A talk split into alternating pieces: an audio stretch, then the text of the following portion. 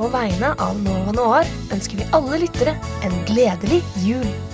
God jul! God jul! God jul! Gledelig jul!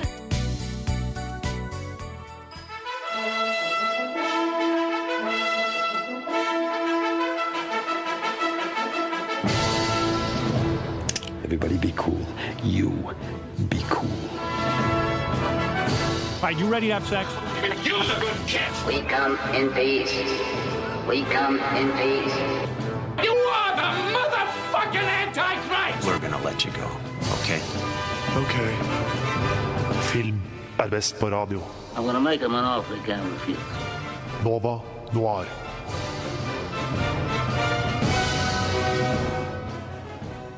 Hallo, hallo, alle sammen. Vi er tilbake, og du som eh, lytter til vet jo så klart hva du hører på. på at Du har jo tydet inn spesifikt til dette her. Det er jo så klart Nova Noir, eh, Nova, Radio Nova sitt eh, beste program. Jeg er ikke her helt alene. Jeg, jeg er jo Lars Benskam. Men jeg kan jo ikke ha en sending helt alene, på at det ville blitt litt kjedelig, tror jeg. Jeg har jo med meg eh, Embla Aaslein Hallo, hallo. og Ina Elisabeth Sletten. Hei, hei. Og i dag har vi et tema som står meg veldig nært. Um, jeg skal spoile litt. Vi har Paul Thomas Anderson-sending. og da skal vi prate en del om filmene hans og det som gjør kanskje han om til en, eh, en av de mer kjente regissørene og hans uh, genitrekk, eller jålete trekk, som man kan uh, diskutere litt her.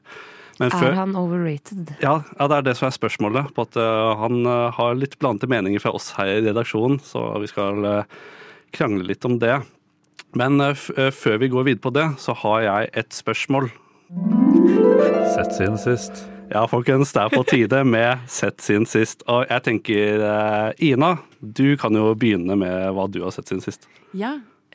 Forrige uke så var jeg på Kunstnerens hus eh, her i Oslo og eh, så Vibeke eh, Løkkeberg sin Hud, en film fra eh, 1986 eh, som jeg har jakta på i flere år, fordi den har ikke vært tilgjengelig noe sted. I hvert fall ikke på strømming. Og jeg kan kanskje ta selvkritikk på at jeg ikke har sjekka biblioteket og sånn, men den har i hvert fall ikke vært enkelt tilgjengelig, da. Eh, Men nå så viste de den på eh, Kunstnerhus fordi Nasjonalbiblioteket skal gi ut en sånn samleboks med Løkkeberg sine filmer. Oi. Så da hadde de visning hvor også Løkkeberg var til stede. Eh, og hun er jo en kraft i seg selv. Eh, men dette er også kanskje hennes mest kontroversielle film. Hun er kjent for å lage veldig mye forskjellig. Men Hud handler jo om Vilde, som har vokst opp på eh, en liten eh, øy på Vestlandet. Og der har hun siden barndommen blitt mishandlet eh, av stefaren sin. Eh, en mann som hun hater, men som hun også samtidig er den eneste som gir henne nærhet og kjærlighet. De har også fått datteren Malene sammen, men det er det ingen som anerkjenner. Hun har bare plutselig fått et barn, og så er hun en hore, men ingen vil egentlig si at det er stefaren som er pappaen. Et veldig kristent samfunn. Og den filmen handler jo egentlig om at han, stefaren har lyst til å gifte henne bort til en handelsmann for å bli kvitt noe gjeld. Um, eh, men den handler liksom greit nok om det, men den handler jo mest om bare sånn forholdet mellom de to, altså stefaren og, og Vilde. Og bare sånn alle følelsene hun går gjennom. Um, og i sitt voksne liv og fortsatt liksom være avhengig av eh, mishandleren sin.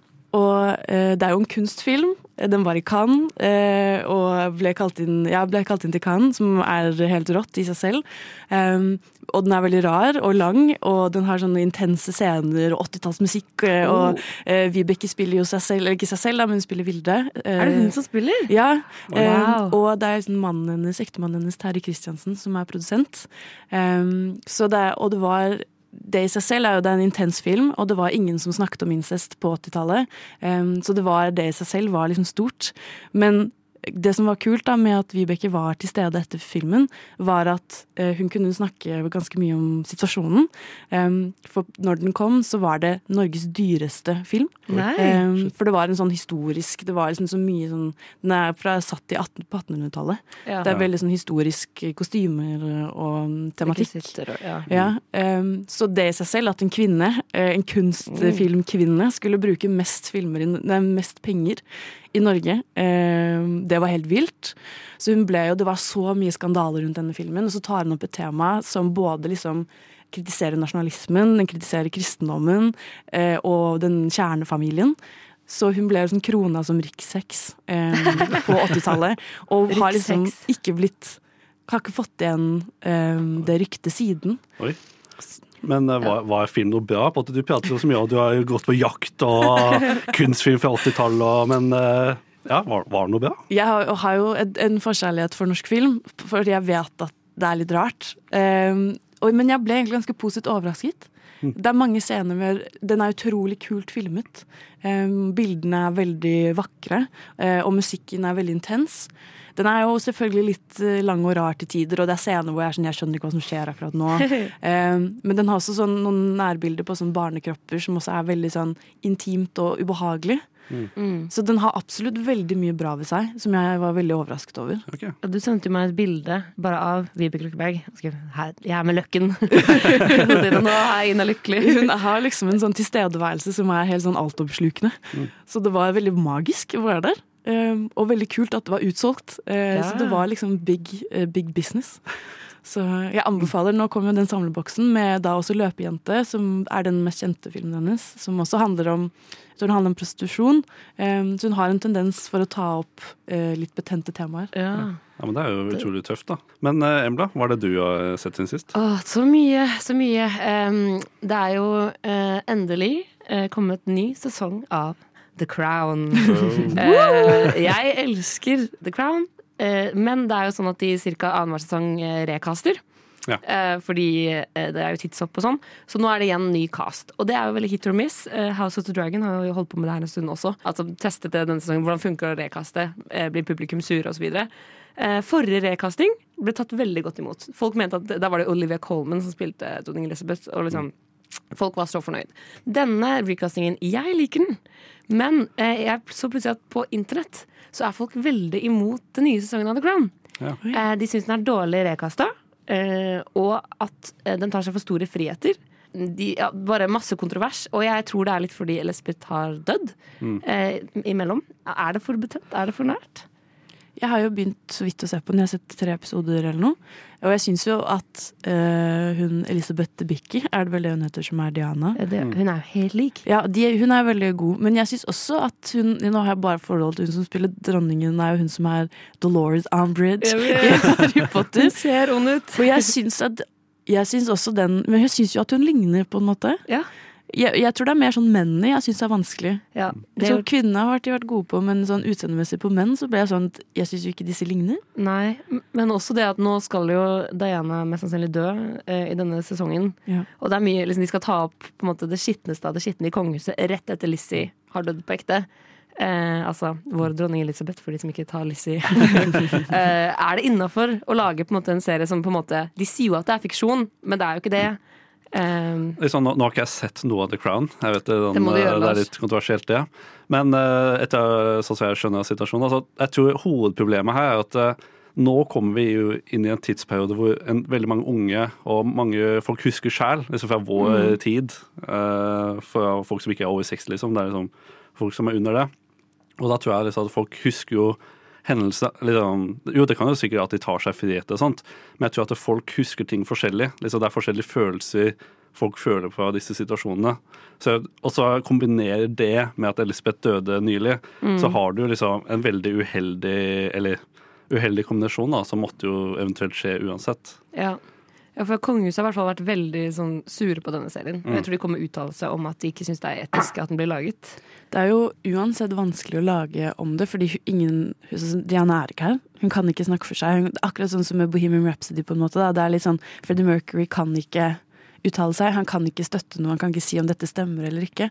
Så jeg føler jo at jeg syns det er så vanskelig med sånn eh, faktabasert drama. Eh, for det er alltid man, man tenker jo at alle skjønner, sånn som med Atlantic Crossing-feiden i Norge. Ja. På en måte At sånn Det her stemmer ikke! Og så er det sånn, det er ingen som har sagt at det stemmer. Det er en dramaserie, på en måte. Men Crown har jo fått en slags sånn nesten en sånn dokumentarstatus. Ja. Og at alt stemmer. em, fordi de gjør utrolig god research, og de er kjempeflinke. Men eh, man må jo kanskje bare de, Det er jo det folk også har reagert på, at de har fjernet, eller eventuelt ikke tatt med um, Dette er basert på ekte hendelser. For da sier du jo indirekte at sånn Det her er fritt basert. Det er ikke alt som stemmer her, og folk, ting er lagt til for dramat, eh, dramaturgien, liksom. Men det er fordi alt stemmer, Ina. det er, ja, man kan si er korrupt. De bare outer dem. Men det er jo Er sesongen ferdig sendt nå, eller går Ja, jeg tror sammen. de slipper alt på en gang. Så jeg har ikke kommet så langt ennå. Men Nei, nei. Og det, det blir jo spennende på at det blir en sesong til, eller etter dette. Ja. og det, det blir jo spennende å se om liksom, det, Denne sesongen er jo nær vår tid, men Ja. når Elisabeth dør, liksom, hvordan de kommer til å takle det ja, blir det siste episode? Det, det må liksom det, Ja, det kan jo gå evig, men jeg tror serien går for fort i forhold til vår tidslinje. Men uh, jeg tror vi må droppe The Crown. På at nå, nå skal jeg få et spot her, Ja, ja, faktisk. Ja, god, Det eh, men jo, jeg så jo eh, filmen uh, Cold War, som er fra Jeg tror han er fra Polen. Ja. Som eh, ble jo vant Oscar for beste fremmedfilm. fremmedfilm. Jeg, ra jeg rata han to og en halv stjerne på Jeg så Letterboxd. det, Lars! Fy faen. Ai, ai, ai. jeg elsket den filmen. Liksom, jeg jeg syns det er interessant, og jeg skal ikke spoile for mye eh, for sendingen vår etterpå, men den har en del likhetstrekk med de negative konnotasjonene jeg har med Paul Thomas Anderson. Med at den, den hadde en del fine isolerte øyeblikk, men når du setter det sammen til helhet, så eh, falt det fra hverandre. På at du, du hopper veldig mye det- tar jo plass over flere år i eh, etterkrigstiden i Polen.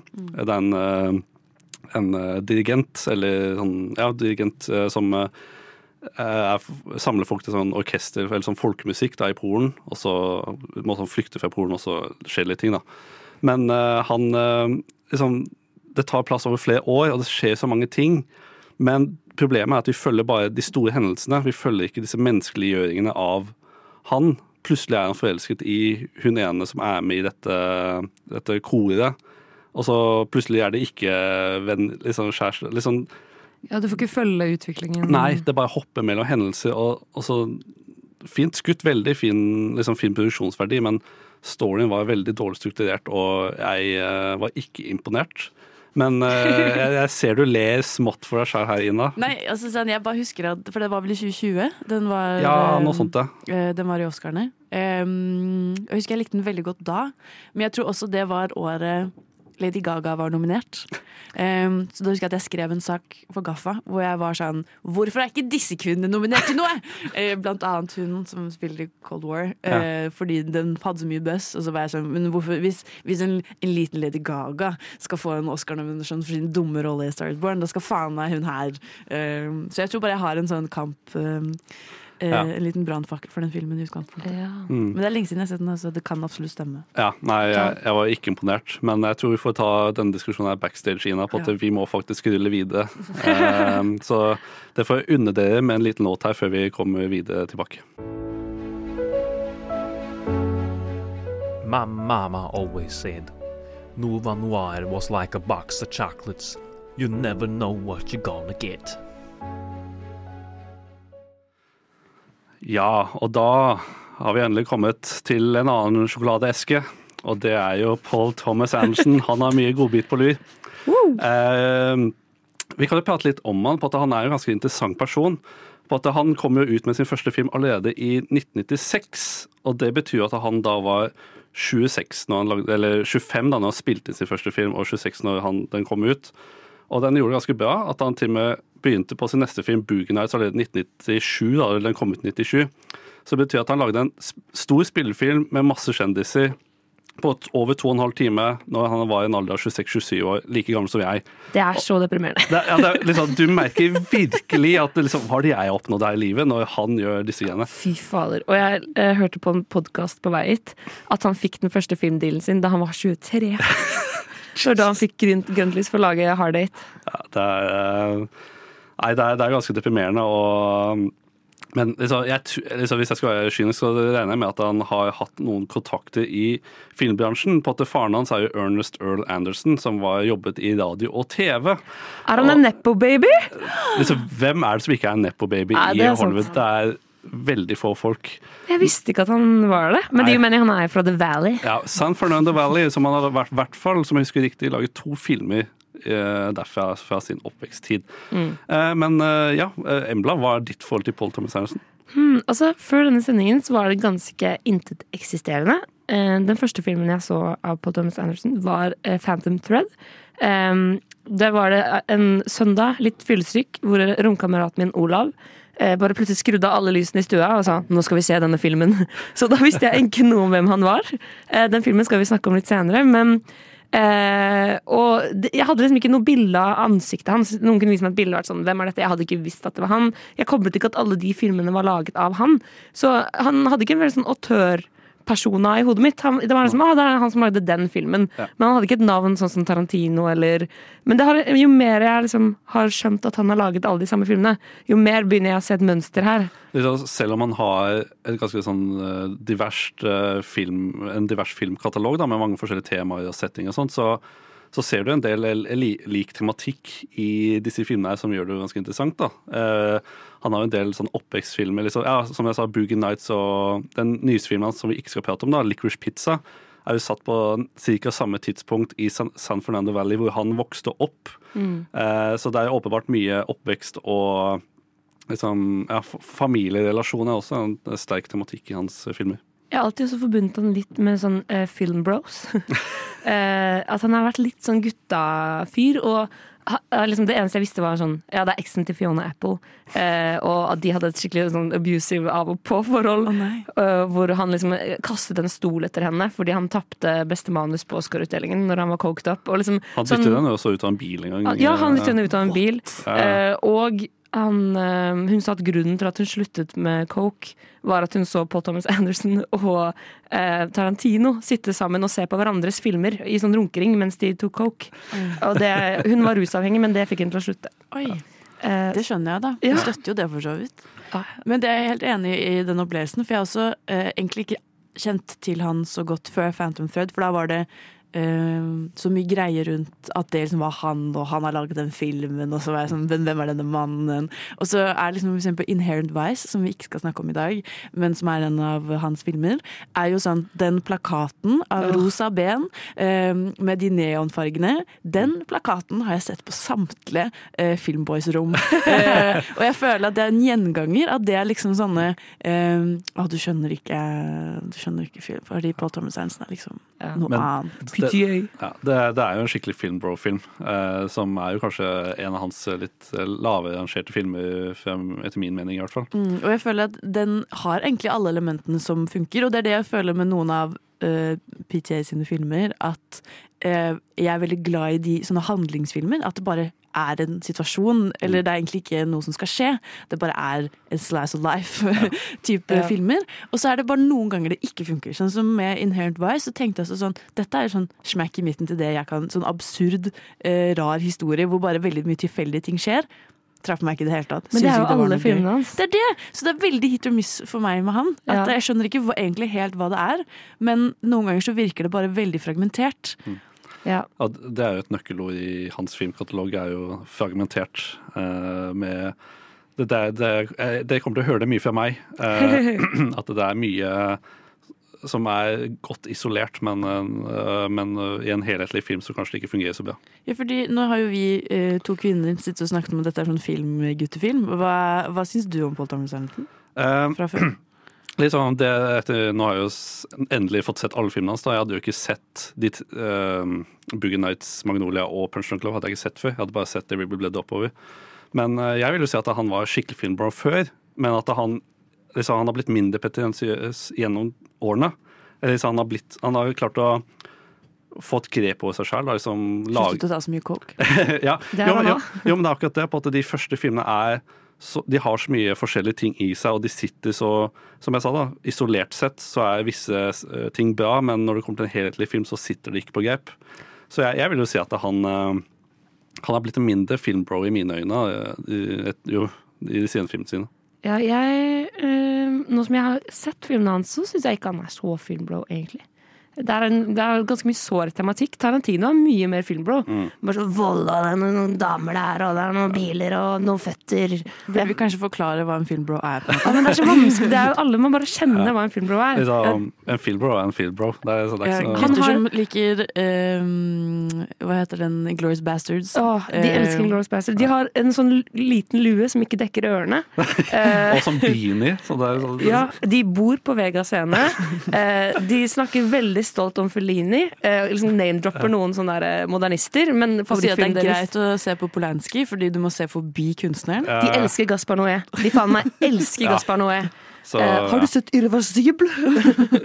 De, disse menneskene. Jeg tror egentlig vi burde her på nå, nå begynne å gå med aliaser og ikke med ekte navn, på at du begynner å eh, gå etter en eh, ganske stor målgruppe her hjemme. Eh, men eh, eh, ja, Paul Thomas Anderson, veldig splittet personlighet. St veldig diverse filmer, og jeg gleder meg veldig til at vi skal prate mer om han. Die Hard er jo ikke julefilm. Die Hard er en julefilm. Die Hard er ikke en julefilm. Jo, det er en julefilm. Er det det? Ja. Ja. Alle vet det. Ja. Ser jo ikke så veldig julete ut, da. Men det er julefilm. Film er best på radio. Nova Noir på Radio Nova. Og da, folkens, da er vi endelig klare til å faktisk begynne å prate om filmen hans. Vi skal ta det i kronologisk rekkefølge av de vi har valgt ut. Og det kommer til å være spoilere. Eller vi skal prøve å holde oss litt rolige, men eh, vi kan ikke garantere at det ikke kommer til å være spoilere. Og den første vi skal prate om, er jo Boogie Nights. Og Embla, du har jo litt å si om Boogie Nights. Ja, den er sånn Det er litt vanskelig å forklare den Eller jeg kan gjøre det veldig komplisert veldig fort, tror jeg. Eh, så for å bare si det helt enkelt, så eh, er det en film om, som tar sted på 70-tallet. Eh, ja, Ja, ja. Sent 70. Sent 70- og utover 80-tallet, som følger en um, kjekk ung mann eh, som blir pornostjerne. Han, det er på en måte en sånn Marky rise, ja. det er en rise to fame, da. Og så følger man alle disse karakterene i pornomiljøet. Og han som blir da den største liksom, pornostjernen. You know what I'm thinking? I want to be in business with you. I'd love it. Maybe think about your name. My name, yeah.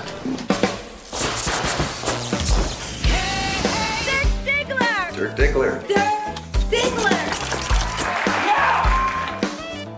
I only am who I am because I was born that way. I have a gift, and I am trying to not be selfish about it, but to use it. And if you want to knock me for that, it's your own problem. Jealousy will get you nowhere. Christ, you've been up for two days. You're not the boss of me. Yes, I am. Oh, you're the king, huh? Yes! Come on. You are fired! You know what? I'm the biggest star here, man. That's the way it is. Og så følger man liksom pornoregissøren og kona hans og deres venn. Og så det er en ordentlig sånn ensemble-film. Det er et begrep vi kommer til å bruke mange ganger i denne sendingen. Altså en film med mange hovedkarakterer. En litt mer fremtredende, kanskje, men liksom vi følger et uh, lappeteppe av mennesker og deres små historier. Noen veldig triste, noen veldig morsomme. Noen har liksom Litt sånn som Pulp Fiction nå. Jeg ser likheter mellom disse to filmene. At liksom noen av karakterene er der bare for comic relief. Eh, og er liksom bare Å, det er funny at hun alltid har på rulleskøyter, eller Hun har for så vidt litt mer dybde, men noen av karakterene er der liksom bare for å uh, glitre det til, og noen har litt triste historier vi får komme litt tettere på. Men det er egentlig bare et lappeteppe av uh, pornobransjen, da, og hvordan uh, du kan bli litt korrupt på veien. Ja. Vil dere være enig i den beskrivelsen? Ja, absolutt. Det er jo når du ser på porno sin storhetstid, og det et nedfall når VHS og home video begynner å komme, så er det mange grelle historier der. Og du, du har jo poeng der med ensemble, at uh, det har en veldig Det til å være Paul Thomas Anderson sin andre film, så har du jo en veldig stor cast. Du- Og den ser veldig dyr ut. den ser, ja, den uh, var visst jævlig dyr, tror jeg. Uh, når du får med Burt Reynolds, så var jo kanskje største, en av de store mannlige sexsymbolene i sin tid da, til å spille en stor rolle i filmen. Eh, så er det jo ganske vill produksjon, egentlig. Det er jo to og en halv time til å være hans andre film, eller første stor, stor film. Første storfilm. At han har fått lov til å lage det her, syns jeg er helt sykt. Han er 26 år gammel. Mm. Han har lagd én bitte liten TV-film før som ikke hadde kommet ut ennå, da de Mm. begynte med den her. Så han var helt på en måte fersk. Han var bare bitte litt eldre enn meg. Mm. Og jeg føler eh, Når man ser på manus og storyen og sånn nå, Mm. så er det på en måte eh, helt crazy at han har klart å pitche det her og fått det til. For det høres litt sånn Ja. En hel film om porno. Det er jo basert på en, eh, en eh, bok, uh, The Dirk Diggler Story, eller hva, hva den husker, nå husker jeg ikke helt hva den heter. Men det som er interessant, er at sånn som den nyeste filmen kom med nå i 2022, faktisk, var jo Licorice Pizza, som også igjen tar, tar, for seg, tar for seg samme tidsperiode og samme område som Fernando Valley på 70-tallet. Mm. Så en ting jeg noterte meg nå på det, vi må huske, som jeg synes var interessant, var at han Eddie som blir Dirk Diggler, det er jo hans pornonavn, han, er jo, han sier jo selv at han er 17 år når han kom inn i pornobransjen. Og så, så kommer vi til Licorice Pizza, hvor han, eh, det er en mindreårig gutt som eh, blir sammen med en eh, litt eldre dame. Jeg syns det er bare sånn Oi. interessant trekk. Gjennomgående trend. jeg, jeg, jeg tror at Paul Thomas Anderson har et litt sånn der sånn eh, eh, fint, bl eller fint blikk over uh, Eldre kvinner. el- ja, og kanskje Men sånn det var jo det som var greia i Licorice var det ikke det? At han, den handler jo om moren til Haim. Haim-søstrene. Det? Ja. At det er basert på et, en ekte forelskelse han hadde. For det er jo det som er sånn ekkelt med den filmen. er at Alle Haim-søstrene er jo med, Mm. og også foreldrene.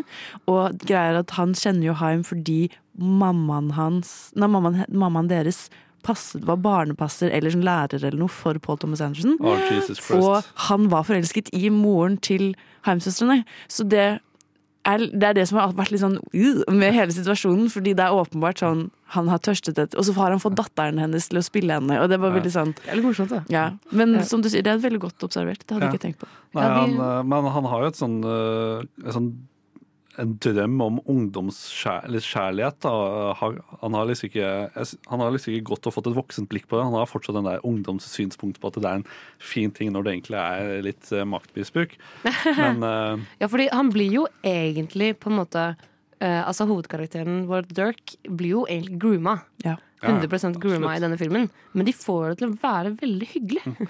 ja, Den filmen her er så morsom. Jeg koser meg så mye med den filmen her. At sånn, jeg, tenkte, jeg visste ingenting om den. Eh, Jeg tenkte, eller når jeg begynte å se den, jeg visste ikke at det handlet om porno. Jeg visste ingenting. Og det var egentlig gøy, for jeg ble helt sånn Oi, ja, ok. Eh, og det var veldig mye om, om penisstørrelse og veldig mye sånn greier. Og så ble det Men at jeg, det var jo åpenbart kjempebehagelig, for det var ingen som hadde det bra, eh, egentlig. Og så her tar man masse dop, og så går det greit. Eh, men at den klarte jo på en veldig sånn fin måte både liksom vise sånn ja, ok, vi hadde det også sykt gøy, på en måte. At sånn, Det er en grunn til at det ble en greie, fordi det var en kultur, og det var em, ja, en festkultur der. da. Og eh, det var en mulighet til å liksom lage filmer på en helt annen måte. Men også det den der sluttspillet med at ja, kanskje det ikke holder så godt i lengden. da, på en måte. Ja. Hvor lenge har du egentlig fartstid her, når du har vært aktiv? Han, det går egentlig bare fem eller seks år, egentlig. Eh, men alt går liksom til helvete på den korte tiden. Ja. Og så er det jo det e- evige spørsmålet. Jeg synes det er interessant at vi kommer til et mannlig synspunkt på dette. er jo det at eh, etter at han har jobbet der i en del år som pornodesigner, så kommer det en ung, en yngre og Ja. penere eh, modell eller pornostjerne. da. En ny 17-åring. En ny 17-åring. ikke sant? Og jeg, jeg synes på at det, det, Vi ser jo dette ofte med kvinnelige eh, roller, og sånt, men at det kommer fra en sånn mannlig pornostjerne. altså Interessant vri på hele den situasjonen der. da. Ja, det er sant. Og han får jo får et nedbud over det. og Og at Julianne Moore på en måte fortsatt, uansett hvor gammel hun Ikke at hun blir så mye eldre på seks år, da, men at uh, hun fortsatt holder en sånn rolle som en, en kvinne folk ønsker seg, uh, og som klarer å groome. Uh, så hun har jo en ekstrem sånn maktposisjon posisjon da, i den filmen. Så det er også et veldig godt poeng at man, de rollene er litt reversert i den filmen her. Mm, det er en, tar seg sånn utrolig god tid i digresjonene sine. Ja. Eh, det er en scene som jeg syns er så morsom, som bare er når han kommer dit. Eh, Og skal liksom hilse på alle. Nå føler jeg at den kunne vært liksom 30 sekunder, men den varer sånn tre minutter. Hvor han, sånn, de føler han hilser på hver eneste person. Og så kommer han bort til han å, nå husker jeg ikke hva han heter, men han som blir bestekompisen. John C. Reilly. Ja, og eh, han lager han en drink, og man føler hele prosessen at han lager den drinken. Men ser sånn, hvor mye benker du? Si det samtidig. En, to, tre. Du sa det ikke, du sa det ikke, du heller. Og liksom, den scenen bare varer og varer. Og det er så gøy. Og jeg føler det er liksom sjarmen her. Alle disse små sideveiene han tar. det er jo, dette er jo det gode og det dårlige med Paul Thomas Hansen. på at Han elsker lange scener som ikke Han elsker long takes. Men det er også det som er problemet, at det, det blir jævlig lange scener. Filmene blir lange. Det er morsomme individuelle scener, men de er ikke essensielle for å fortelle historien han har lyst på. Så filmene blir lange og til tider litt ukontrollerte. Jeg føler at i noen filmer så funker det veldig bra, som vi snakket om, så- og det er desidert denne. Um, og uh, jeg tenkte også veldig mye på at han nesten aldri klipper. Altså sånn, eh, Den der typiske dekningen, hvis dere hadde hatt en scene hvor dere snakket sammen, så er, filmer vi Lars når han prater, og så filmer Ina når du prater. Han gjør ikke det. Han ligger veldig ofte bare på én person hele scenen og gjør liksom sakte panorering. Ingenting er håndholdt. Alt er så utrolig kontrollert og perfeksjonert. da. Mm. Og det, liksom, selve åpningsscenen av filmen er jo når de starter på dette lysende neonskiltet. Det er one take fra utsiden av denne klubben. Kameraet går ned fra himmelen, går ned på bakken, følger inn dørene, følger liksom Det er skikkelig Dette er, Hvis du husker en scene i Goodfellas, når eh, han kommer inn i kjøkkenet og inn i restauranten.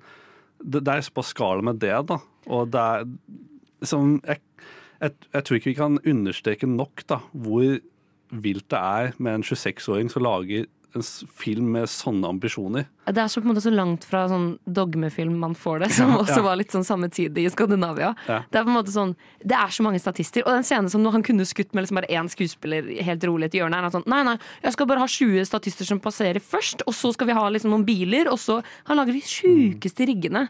Eh, som på en måte gjør at det er så gøy å se på. Mm. For håndverket er så solid. Eh, og det føler jeg går gjennom i nesten alle filmene hans. Det er én film jeg ikke syns gjør det.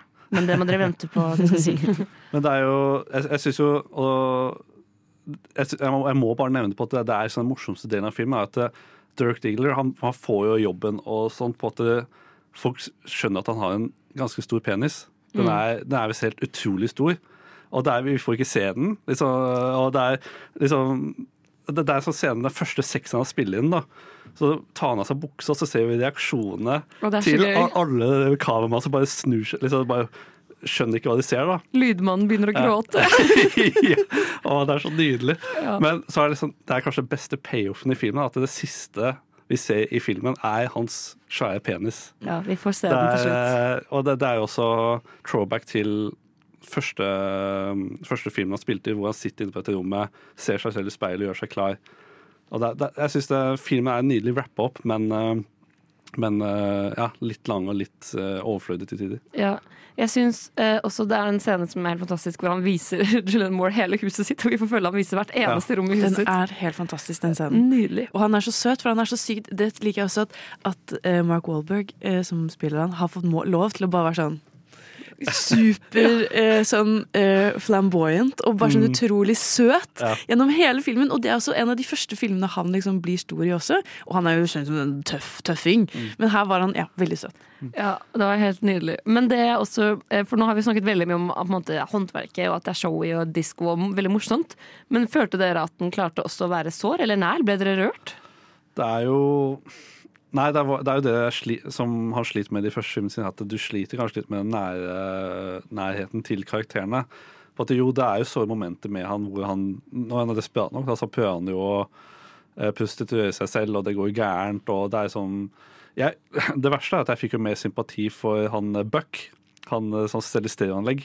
Ja. Hvis det er hans Ja, situasjon, så fikk, fikk jeg mer sympati for enn eh, Jeg er en karakter som prøver å komme ut av pornobransjen ved å selge stereoanlegg i hele Ja. filmen. Og så får han ikke lov. Nei. Og så prøver han å gjøre cow- cowboy-looken kul igjen. Alle er bare sånn, det sånn, keep going! Uh, You look amazing! Disse nisjedetaljene, som, Ja. det er de som treffer. Og det, og det er jo Don Cheadle, da. jeg må ikke glemme han som virkelig tar denne Donty Buck uh, og gjør det noe eget. Ja. Men, tenk å kunne bli så rørt av bare at han liksom fortsetter å gå i cowboystøvler. Ja, det- det- det det var- You do you. Hjernen til Paul Thomas Anderson er helt fantastisk. Det er så mange sånne små, rare detaljer. Det Så selvfølgelig, Hvorfor stereoanleggbutikk? Og han bruker tre hele scener på at han snakker om stereoanlegg. Og liksom, Ja, ja. han, det er så nisjete.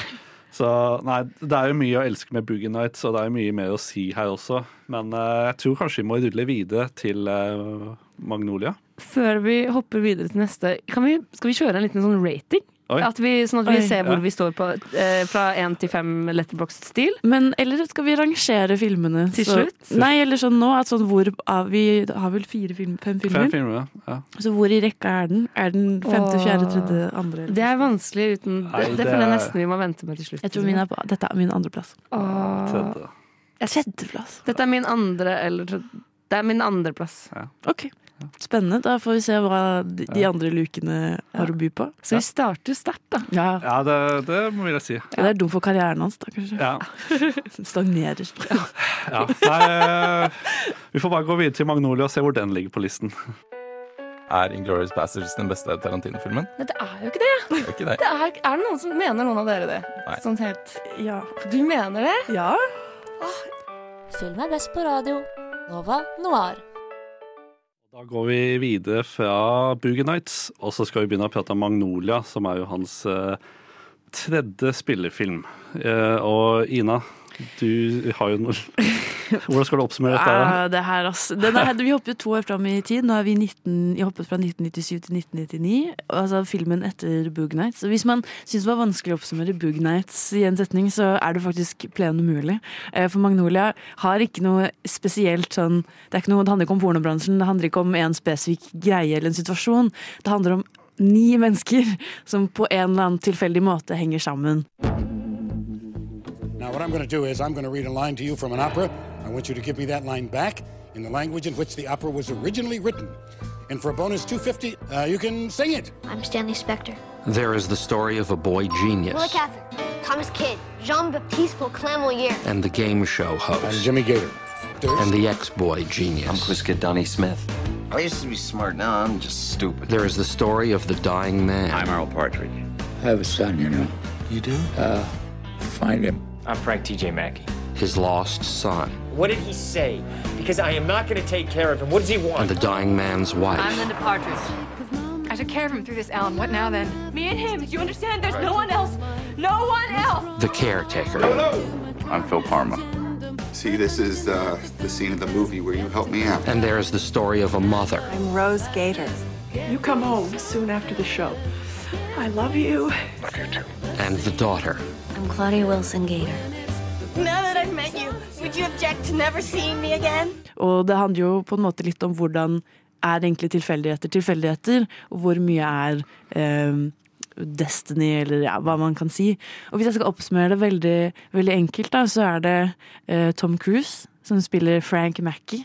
Eh, en slags sånn eh, gammel type Jordan Peterson. En litt eh, Jordan Peterson på syre. Eh, Han der Andrew Tate. ja, Andrew Tate. Han er- det er en. Andrew Tate um, som går rundt og forteller menn om hvordan de skal Eller en slags The Game, da. Hvordan du skal ligge med, med damer. Så har du eh, Julianne Moore, som spiller eh, en um, hustru til en døende mann, eh, og hennes eh, kvaler med å være den hun er, og også da eh, ektemannen hennes igjen, hva er det han vil gjøre før han eh, vil dø? Så har du eh, Philip Seymour Hoffman som spiller eh, Sykepleieren. sykepleieren til den døende mannen. Um, deretter har du en helt annen historie som handler om en eh, gutt som er på et sånt quiz-program, eh, og forholdet hans til sin far. Um, så har du Og så har du han som vant det samme quiz-programmet for Ja. 40 år siden, ja. og som aldri har fått til noe siden. Som er kjempeforelsket i en, i en mann på en bar og har lyst til å få seg tannregulering. Fordi å han har er tannregulering! Eh, elsker de detaljene. Eh, og så har du uh, han som leder quiz-programmet, uh, og at han har fått kreft, og prøver å få kontakt med sin datter. Som er rusavhengig. Som er rusavhengig. Eh, og de har en historie som er vanskelig å tyde. I tillegg så er det en politimann, spilt av eh, f- eh, eh, John C. Riley, som er Ja. ensom og bare har lyst til å gjøre de rette tingene, som blir forelsket i rusavhengig datter. Fordi han skjønner ikke at hun er rusavhengig. Han er litt naiv. Det er en helt er fantastisk understatement. eh, Altså jeg synes Noe av det fineste i denne filmen er når han politimannen klarer å miste pistolen sin. og så uh, syns han det er så flaut, så han står og ber til Gud i regnet. Han er sånn Help me find my gun. Så, så det er morsomt du nevner det, på at jeg leste jo litt uh, hva folk, andre folk syns på nettet og sånt. Og i den scenen hvor han leter pistolen sin, så prater han jo til noen som ikke er der. Han uh, liksom beskriver det han gjør. Og det noen nevnte som var ganske interessant, var at på, på 1997, eller 1999 var det vel, så var jo TV-serien Kops, eller en, det, dokumentarprogram hvor de følger politifolk, veldig populært.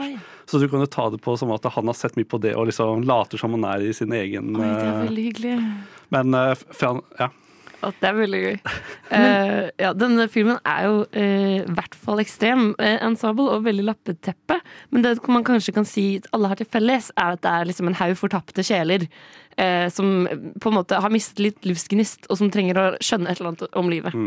Dette var jo mitt første møte med Paul Thomas Anderson. Jeg så den for mange mange år siden, men jeg tror jeg var altfor ung for denne filmen. Um, men det er jo, jeg vil jo Folk kan jo på en måte kalle dette for hans eh, magnum opus. Eh, eller sånn den største, det største verket hans eh, noensinne. Eh, for det er jo på en måte denne alle trekker fram som det største eh, han har gjort. Han har jo selv sagt at han aldri på godt eller vondt kommer til å lage noe som er bedre enn Magnolia.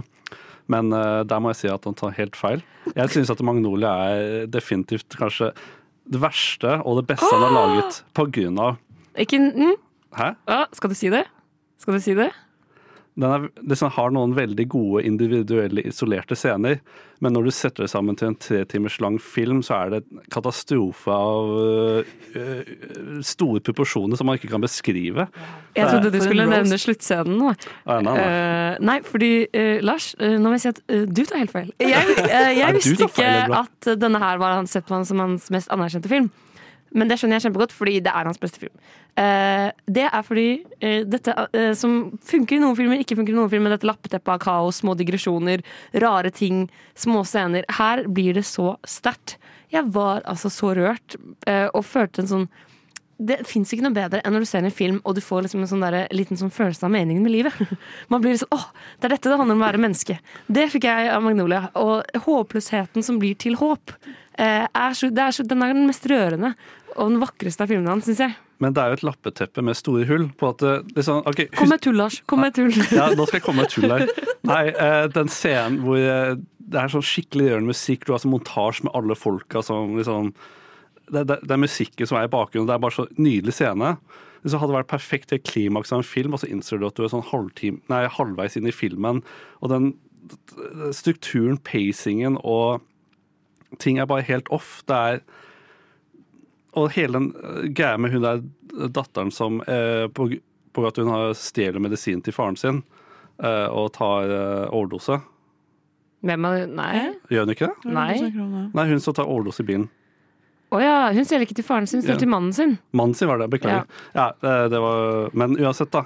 Hele den plotlinen der kunne blitt kuttet på at hun liksom, har ikke noe påvirkning eller noe å gjøre med liksom, Jeg kan ikke si nok hvor uh, Men da var ikke det den linja som engasjerte deg mest.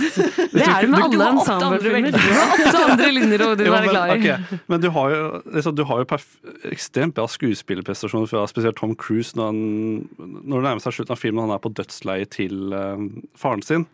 Så, så gråter han, og liksom, det er skikkelig intenst emosjonelt, og Philip Simon Hoffman er bakgrunnen og gjør, gjør en Ja. god prestasjon, han òg. Men det er så mye annet vrøvl. Men det er det som bygger dette universet og Nei, gjør det, det un- unikt. nei det, det, det graver et hull under det og bare får det til å rase sammen. Det er eh, katastrofe. Nei, det er så sårt. Og det, også, man, eh, det å bruke et barn for merker jeg at han gjør flere ganger i, i løpet av filmene sine, fordi det blir så sårt. Og her er det en quiz-kid som altså, er så søt. Han er et supergeni, men han står ikke opp for seg selv og vet ikke hva han skal si. Sånn, han, han klarer ikke å si Og faren hans er kjempeslem, og så han må tisse på et sånt quizshow i finalen, men ingen lar han tisse, så han tisser på seg. Og det er så sårt! Jeg syns hele den linja med kiden, og så stikker han av, og så drar han til biblioteket alene. Og liksom jeg syns bare det er så utrolig mange fine, rørende øyeblikk. Jeg tror denne filmen også bare ikke Jeg tror det er en veldig hit or miss. Igjen da, sånn som vi snakket om i stad, med at enten så digger du det, eller så digger du ikke. Og jeg syns denne filmen er helt grei. jeg syns ikke den er skikkelig dårlig eller skikkelig bra, men jeg bare sånn Jeg klarte ikke å bli så investert. Um, og den er veldig gripende, og jeg blir veldig sånn dratt inn i universet, og jeg har veldig lyst til å følge med, på en måte. Men på et tidspunkt blir det også litt for mye, så jeg blir helt sånn Jeg klarer ikke å følge med. Men det jeg syns er gøy, er jo for eksempel det Du nevnte jo Tom Cruise i stad. Og um, Christian Bale, når han skulle spille American Psycho, så brukte han Tom Cruise sin, sin karakter Ja. i Magnolia som inspirasjon til hvordan Patrick Bateman skulle være. Og det føler jeg sier sitt om den uh, rollebesetningen der. Ja, det er veldig gøy. Og jeg, jeg føler bare også at um, uh, Man kan på en måte ikke snakke om denne filmen uten å nevne noen liksom, funky stilgrep som blir gjort. Uh, så her kommer kanskje den spoileste spoileren. Du som ikke har sett Magnolia, skip nå på en måte bitte litt frem. For det her må du på en måte ikke vite. Men det er jo et punkt i filmen hvor det plutselig begynner å regne. Frosker. Regnefrosker. Eh, og det er altså så fantastisk. Nei, det, er så, det er så idiotisk. jeg fikk så sjokk. Eh, jeg syns det er så kult. Dette er ikke et realistisk univers. Alt kan skje. Det er jo det de sier i hele filmen. Alt kan skje, alt kan skje. Og jeg elsker at han lille kiden sitter på biblioteket og sier dette skjer faktisk ute i lufta. Det er liksom sånn, og Hele filmen har jo startet med denne montasjen som forteller at alt kan skje. Liksom Om skjebne og om på en måte Vi har ikke noe kontroll over livet. Vi kan, kan ikke bestemme hva som skjer. Plutselig regner det frosker. Eh, Du må på en måte bare ta imot. Jeg vet ikke, jeg syns bare det var fantastisk gjort. Så modig. Absolutt, og også at han har en sånn meta- eller forståelse av seg selv. At det er jo også en, en setning hvor det er sånn Hvis dette hadde vært en film, så hadde vi ikke skjedd det her, ikke sant? Eh, nettopp fordi det er en film, eh, og det er absurd, og eh, det er såpass realistisk. Så han er utrolig dyktig, da, og det er også sånn gjennomgående for alle filmer at han, han klarer å bøye forventninger og sjangere på en helt sånn spesiell måte, som veldig få andre klarer. Jeg skulle ønske han fortsatte å leke sånn som han gjør her i de filmene som kommer senere. Det er også en scene som bare plutselig du, Det er musikk, så du tror at det skal bare være en montasje hvor du liksom ser karakterene med musikk over. Men så begynner alle karakterene å mime og sy eller synge sitt vers av sangen. Så plutselig bare blir det sånn musikalnummer. Elsker det! Den lekenheten forsvinner litt i de senere filmene. Og jeg får en veldig sånn Fargo-assosiasjon med for eksempel den froske. At det er sånn, det er et helt realistisk univers helt til noe helt usannsynlig skjer. Og så oppfører alle seg som bare sånn ja ja, da skjedde det.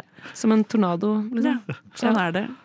Ja, nei. Det er jo mange splittede meninger her om Magnolia. Eh, jeg, ja, jeg har sagt mitt. Jeg føler ikke at jeg skal si noe mer egentlig om det. Og jeg vil jo egentlig at bare denne Jeg tror kanskje vi kan eh, eller, Hvilken plass er Ja, vi må plassere. Ah, ja, jeg glemt, jeg, jeg, har bare lyst til jeg har ikke lyst til å gi den en plass, egentlig. Den var fortjener å være så langt nede. Men Så er eh, det din femte, da? det er min definitivt femte. Oi, Ja, dette er min definitivt første. Oi, Oi. jeg tror det er å, dette er vanskelig, for nå ble jeg plutselig sånn obs på hva annet vi har igjen. Ja.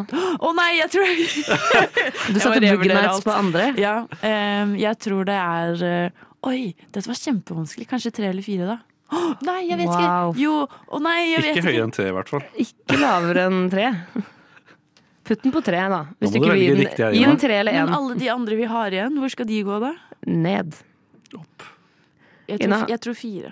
Oi, oi, oi. Ja, det det er, er her hører vi eh, Kjære lytter, send inn melding til oss på Instagram og si at dere er enige med meg. Hva er det? Justice for Magnolia? Herregud. Men eh, jeg tror det er på tide at vi ruller videre. Jeg kan ikke love at vi kommer tilbake uten noen blåmerker, men eh, Nova Noir! Nova Noir. Uh,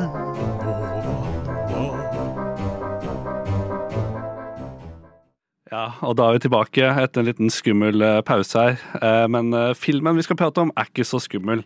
For at vi skal nemlig prate om den neste filmen fra Paul Thomas Anderson, og det er jo Punch Drunk Love, som kom ut i 2002.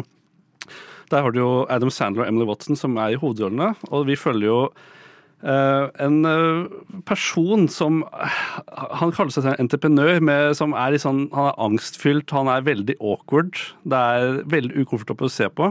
Det skjer mye rare ting i livet hans som han ja, kanskje virker litt normalt, eller han reagerer ikke veldig sterkt på ting som er veldig unormalt. Og så plutselig kommer det en eh, dame inn som skal reparere bilen sin. Eh, og det viser seg at det er uh, medarbeideren til eh, en av søstrene hans. Doctor, right? Yeah. I don't like myself sometimes. Can you help me? Barry, I'm a dentist.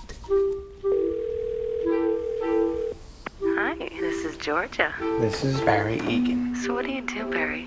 I have my own business. Uh, we have a non-breakable handle. Let me demonstrate for you. You're married, aren't you? No. Barry, it's your sister. There's this friend of mine from work, and I want you to meet her. This is Lena. Hi. Hi. Do you have a girlfriend? No. It must be weird for you to have so many sisters. Actually, no. It's very nice. Remember we used to call you gay boy and get all mad? What's that? We were calling you gay boy and you got so mad. Jeg syns egentlig det var en, det er en veldig interessant film, i den grad at eh, den er så veldig du, sliter Eller du Han er så rar at det blir veldig rart, vanskelig å knytte seg, men allikevel så har den en slags sjarm i seg allikevel. Den har jo, hvis eh, de filmene vi har snakket om nå, har jo hatt et mylder av mennesker Mm. og historier og perspektiver, mens den her nedskalerer det jo veldig, og der er det jo hovedsakelig egentlig bare Adam Sandler man følger, og så er det jo veldig mange andre mennesker rundt han, men de er jo mer bikarakterer enn en folk man, man heier på eller, Mm. eller, eller følger inn, inntil livet til. Så den er jo for det første helt annerledes, og igjen da dette med å hoppe fra sjanger til sjanger går inn i en slags romantisk komediekategori som også er veldig annerledes enn det han har gjort tidligere. Så det er jo igjen da fortsatt litt sånn sjangerutforskende, som er veldig kult. Jeg synes at I stil så føltes Boogie Nights mye mer som en romantisk komedie. Enn det Punch Drunk Love føles ut som. Fordi det her er den tristeste, dølleste romantiske komedien jeg har sett noen gang. Det var verken romantisk eller komedie. Jo da, den er litt morsom av og til, men den er ikke romantisk. Den er kjempemorsom. Den er bitte litt morsom noen ganger. Men Det romantisk, eh, ikke så veldig romantisk heller. Jeg føler, de har null kjemi. Jeg føler ikke på deres kjærlighet i det hele tatt. Det du glemte å nevne, er jo at eh, han blir jo blackmaila. Det er vel litt det som er på en måte Ja, konflikten her. er- det er jo konflikten, ikke klart. Eh, Han blir blackmailet av en, en sånn telefonsexdame. Som får, han, han blir jo egentlig scamma. Han blir lurt av en telefonseks-ad eller noe sånt. mm. Men For han er så ensom. Ja, Så han ringer for å egentlig bare ha noen å snakke med, og så begynner de å blackmaile han for masse penger. Og kjøre etter han og banke han. Og det er veldig ja, Det er veldig, men det er det som er interessant, at det, det, det skjer så mange absurde ting at du Men allikevel så klarer du å like det. Det er sånn Du bare den er, en, Nå skal jeg bruke et veldig sånn fy-fy-ord her i Nova. Quirky? Quirky. Jeg visste det! Den er Jeg nekter, for jeg kan ikke si da det her er en av mine favorittfilmer. Fordi da blir jeg brandet som quirky igjen. Jeg orker det ikke. Men jeg syns den filmen er kjempemorsom. Og jeg tror det er fordi den er såpass dark at sånn, du, den er pakket inn i en veldig uskyldig innpakning. Og så Mm. blir den bare sånn mer og mer eh, forferdelig. Og eh, den er veldig nesten litt sånn eh, Ruben Østlund-aktig ved at sånn, han er bare en statist i sitt eget liv, nesten. Hvor bare forferdelige ting faller i fanget hans, og han må bare stå i det. Og jeg syns det er eh, jeg, blir- jeg syns det er utrolig behagelig. Jeg får ordentlig vondt i kroppen når jeg ser på den filmen her, og da vet jeg at det er sykt bra. Den er veldig måte sånn bra satt sammen, men jeg synes det er noen svakere filmer. Den er, både, den er halvparten så lang som alle de andre. Den er bare en og en halv time. Mm. De andre er nesten alle tre. Og den føles ut som den lengste. Og det sier litt. I tillegg eh, så er den så utrolig sånn alle de andre er så fargerike og har så spennende univers. Den her er så grå. Han er som i et lagerhus og på en måte bare på, i en bil. Altså Det er nesten ingen farger. Men det er jo kanskje et kreativt grep. Det er det jo. Men jeg liker ikke universet. Her, her, jo, jo, men sånn, som du sier, han er statist i sitt eget liv. Det er kjedelig lagust. og, et, og han, han er den eneste fargerike med den der blå, knæsj blå dressen sin. Og det er et interessant grep er at det, alt lys veldig, Hver gang det er outdoors, det er så stor kontrast mellom det mørke og det lyse. Himmelen er alltid overeksponert, og du får bare disse silhuettene i visse scener. Det er, jeg syns egentlig det er en ganske kul sånn visuell film. Ja, det- Den er ganske stygg, men de har jo absolutt gjort det med vilje. jo, jo, men jo, den er fortsatt men, men stygg. s- sier, liksom, det, er, det er kjærlighet i det absurde og kjærlighet og det er fint i det stygge. Liksom, den har Kjæresten min hater den jo, men jeg satt og hummet til meg selv gang på gang. bare, hm, hm, hm, hm, hm, hm. Gjorde det hele tiden. Og det var sånn, jeg vet ikke hvorfor, men det bare har en sånn sjarm at, du- at jeg liker den uansett. Da. Men Embla, jeg føler jo på en måte at det du opplever i den filmen, er nøyaktig det den vil at du skal oppleve av den. Du har jo bare, Egentlig så liker du den kjempegodt, fordi den har akkurat gjort det. Den skal være grell, den skal være ubehagelig, den skal være ikke romantisk. Det er liksom det som er hele poenget. du har jo truffet blink. Det går Men, kjempebra. men og så sitter jeg og har konkludert med at jeg ikke liker den. Jeg kjedet meg veldig mye i den. Jeg slet veldig med å fullføre den. Jeg spasa ut hele tiden. Eh, Det er noen scener som er altså så lange her, men gjort eksempel den sextelefonscenen. Hvor han da eh, ringer denne dama og er ensom. Det er Jeg tror den varer ti minutter. jeg. Altså, sånn, det er er egentlig ganske få Mm. scener i denne filmen. De er kjempelange og ikke så spennende. Uh, og jeg, uh, jeg elsker det med puddingen. Uh, det er en sånn greie at han samler på pudding for å få gratis flybilletter. For det er feil i en sånn konkurranse. Så hvis han kjøper masse enkle puddinger, så kan han få nok flypoeng til å fly gratis resten av livet. Veldig, igjen, Han er alltid sånn rare nisjedetaljer i hver film, som tannreguleringen i Magnolia. Og liksom sånn, Mm. Det er alltid noe noen vil ha, Ja. som er sånn veldig rart. Og det, det liker jeg. Det er akkurat det er litt cute. Men denne filmen her bare ga meg absolutt ingenting annet enn eh, grellhet. Jeg tror, altså, En scene jeg elsker, er når eh, han er på besøk hos søstrene sine. eh, og det der langbordet med de verste menneskene i hele verden som kakler og bare slenger ut kritikk i hvert og Det er så mye støy i denne filmen. Til å være en så enkel visuell film, så er det utrolig mye støy. Og det er kjempe sånn Jeg sitter sånn med skuldrene hevet hele tiden, for det er bare sånn da! Jeg elsker det så mye. Men jeg uh, syns ikke han kler Han er ikke noe flink på filmer som bare handler om én person. Han må liksom ha Jeg syns han er best når han har et litt Eller i hvert fall et litt større univers. Uh, fordi dette universet føles veldig tomt. Og hvis jeg hadde sett denne filmen uten å vite at det var Paul Thomas Arnesen, så hadde jeg ikke gjetta at det var han. Nei. Jeg syns den føles ikke som han. Kan dere være enig i det? At, at den skiller seg litt ut? Det gjør den absolutt. Men at er det litt det vi snakket om med dybde? At kanskje han egentlig ikke er så god på dybde? Og at sånn, fordi sånn som i Magnolia, som tydeligvis er det største han har gjort, så er det jo kjempemange historier, men, og du klarer jo å bli rørt og emosjonelt. Men det er jo ikke egentlig personene, det er mer sånn situasjonen, og at, eh, hen, eller at den forklarer en at, at tilfeldighet finnes, og livet er livet, på en måte. Det er mer det at summen av alle historiene er det som er rørende. Men det er ingen uh, utenom han kiden, på en måte. Men det handler jo igjen om bare et barn. Du blir Nei. ikke ordentlig kjent med det barnet. Han er jo ikke så god på personlig dybde i karakterene sine. Jeg er litt uenig. Det er et jeg føler- interessant take. Man kommer veldig inn på han politimannen i Magnolia. Jeg føler hans indre liv, Og hun eh, rusmisbrukeren som vil så gjerne at han skal elske henne. Jeg følte jeg kom ordentlig inn i flere av karakterene. Men igjen, da, det er jo ikke da, han hadde, Hvis det hadde bare handlet om politimannen, så hadde det ikke vært like bra, ikke sant? Da hadde du måttet få litt mer, da. Ja, ikke sant? Det tror jeg Ja. ikke han har. Det er litt det at jeg tror at når han først eh, Nå kan vi jo bli motbevist i f.eks. Phantom Thread, som vi skal snakke om senere, for der er det jo litt færre karakterer der også. Mm. Men um, det kan jo være litt at han har såpass mange sprikende ideer at Ja. det er mulig å få de plassert inn i én person, og at han ikke klarer å liksom gå helt Fordi eh, Adam Sandlers karakter er jo også ganske døll. Eller sånn. Vi Ja. vet jo ikke hvem han er. Nei, man kommer ikke helt inn selv når han bare er én. Og det er kanskje, ja, som du sier, at da blir det ikke så Da blir det litt tomt. Men hvis du har mange rare, men grunne karakterer som har veldig sånn stereotypisk sånn du er sånn, og du er sånn her, Mm. så blir det mer levende, da. Jeg skulle gjerne kommet litt mer inn på han. Ja, det kan godt hende. Men uh, hvor på listen er denne for dere? På at, det- ja, det er jo Tredjeplass. Tredjeplass? Femteplass. Nå husker jeg ikke hva Har jeg, har jeg allerede brukt opp fjerde-femte? Ikke? Det her er poenget Du, at du plasserte Magnolia nederst, Ja. og så plasserte du Boog Nights. Tre, ja, det er det fjerde. Ok. Ja. Mm. Altså, dette er hvorfor vi ikke burde uh, lagt hver på rangering. vi burde bare gitt den et tall. Fordi jeg har gått høyt. Hvilke plasser har jeg ledig nå? Det er, de, det er Ja, ditt det- problem. Det. Det det. eh, jeg har fjerde og andre Vi tar en oppsummering på slutten. det etterpå. Jeg tror vi oppsummerer på slutten, men Ja. Men vi har i eh, hvert fall ikke funnet noen nummer én ennå. Jeg har gitt en ener. Oh, ja. Har du det? Ja. Magnolia? Ja, Magnolia. Du- Ok. Å ja, okay. Ja, men Vi bare snakker ikke om Jeg vet hva som blir deres. Dere er forutsigbare. Jeg vet hva som kommer til å være vi, deres skal, nummer én. vi, kommer til å gjøre en opptelling på slutten, Ja, men vi eh, vi er absolutt ikke på slutten. Alle tre, og så kommer Edmund Har du sett Parasite? Ja. Har du sett Parasite? Du vet når hun gjør den der, den der Husker jeg sin? Å, shit, shit. Uh, Nova Noir.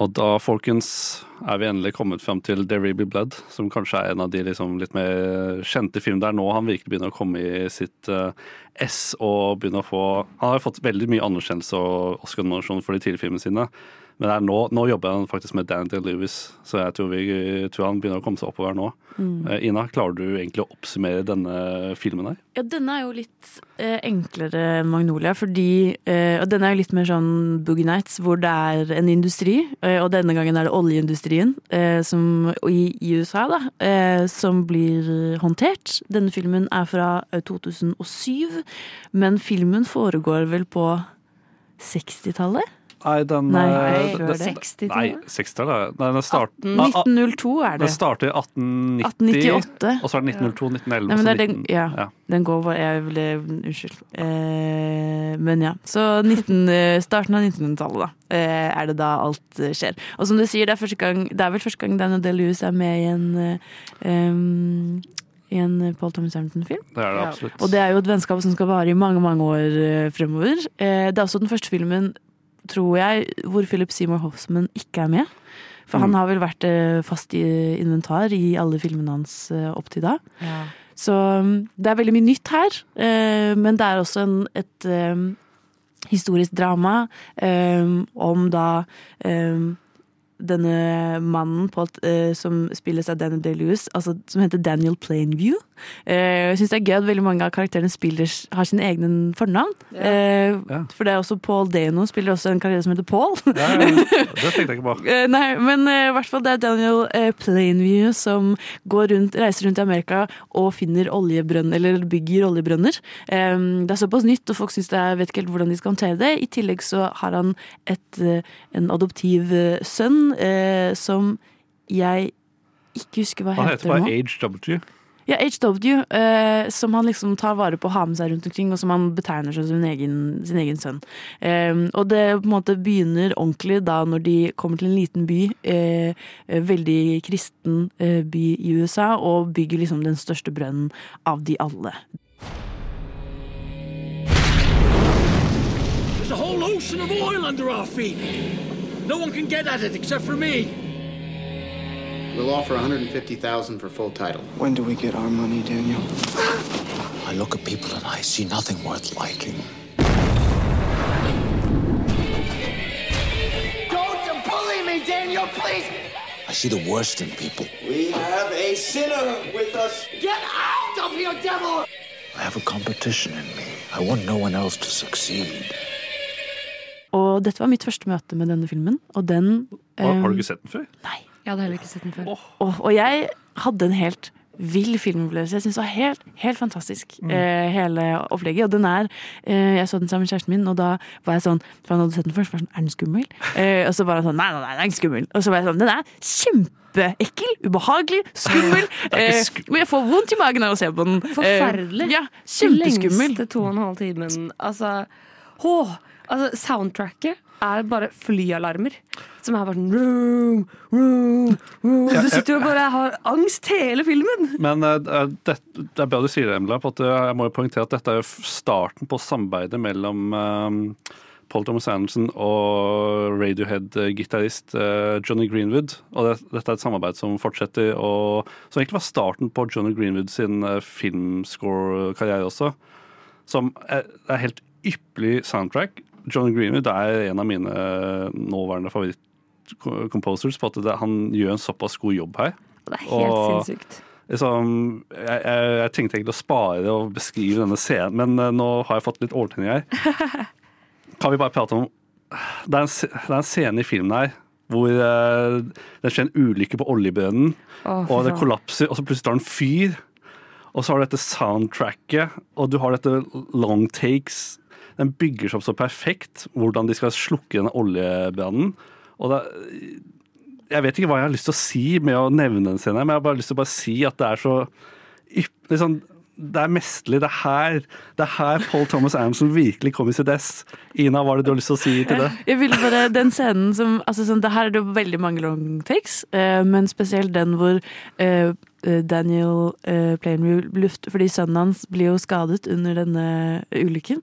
Eh, Ja. Han sprenger uh, øreklokkene, eller hva heter det? Trommehinnen. Trommehinnen, Ja. som det heter. Um, og han må bære han. Løfte han løfter han opp fra bakken, er liksom dekket av olje selv, eh, og bare løper fra den oljebrønnen og ned til huset. Og kamera følger han konstant Mm. gjennom hele, inn i huset, ut av huset og ut igjen opp til alle plattformen. Og det er en så intens, vond og um, ja, som du sier, mest, liksom?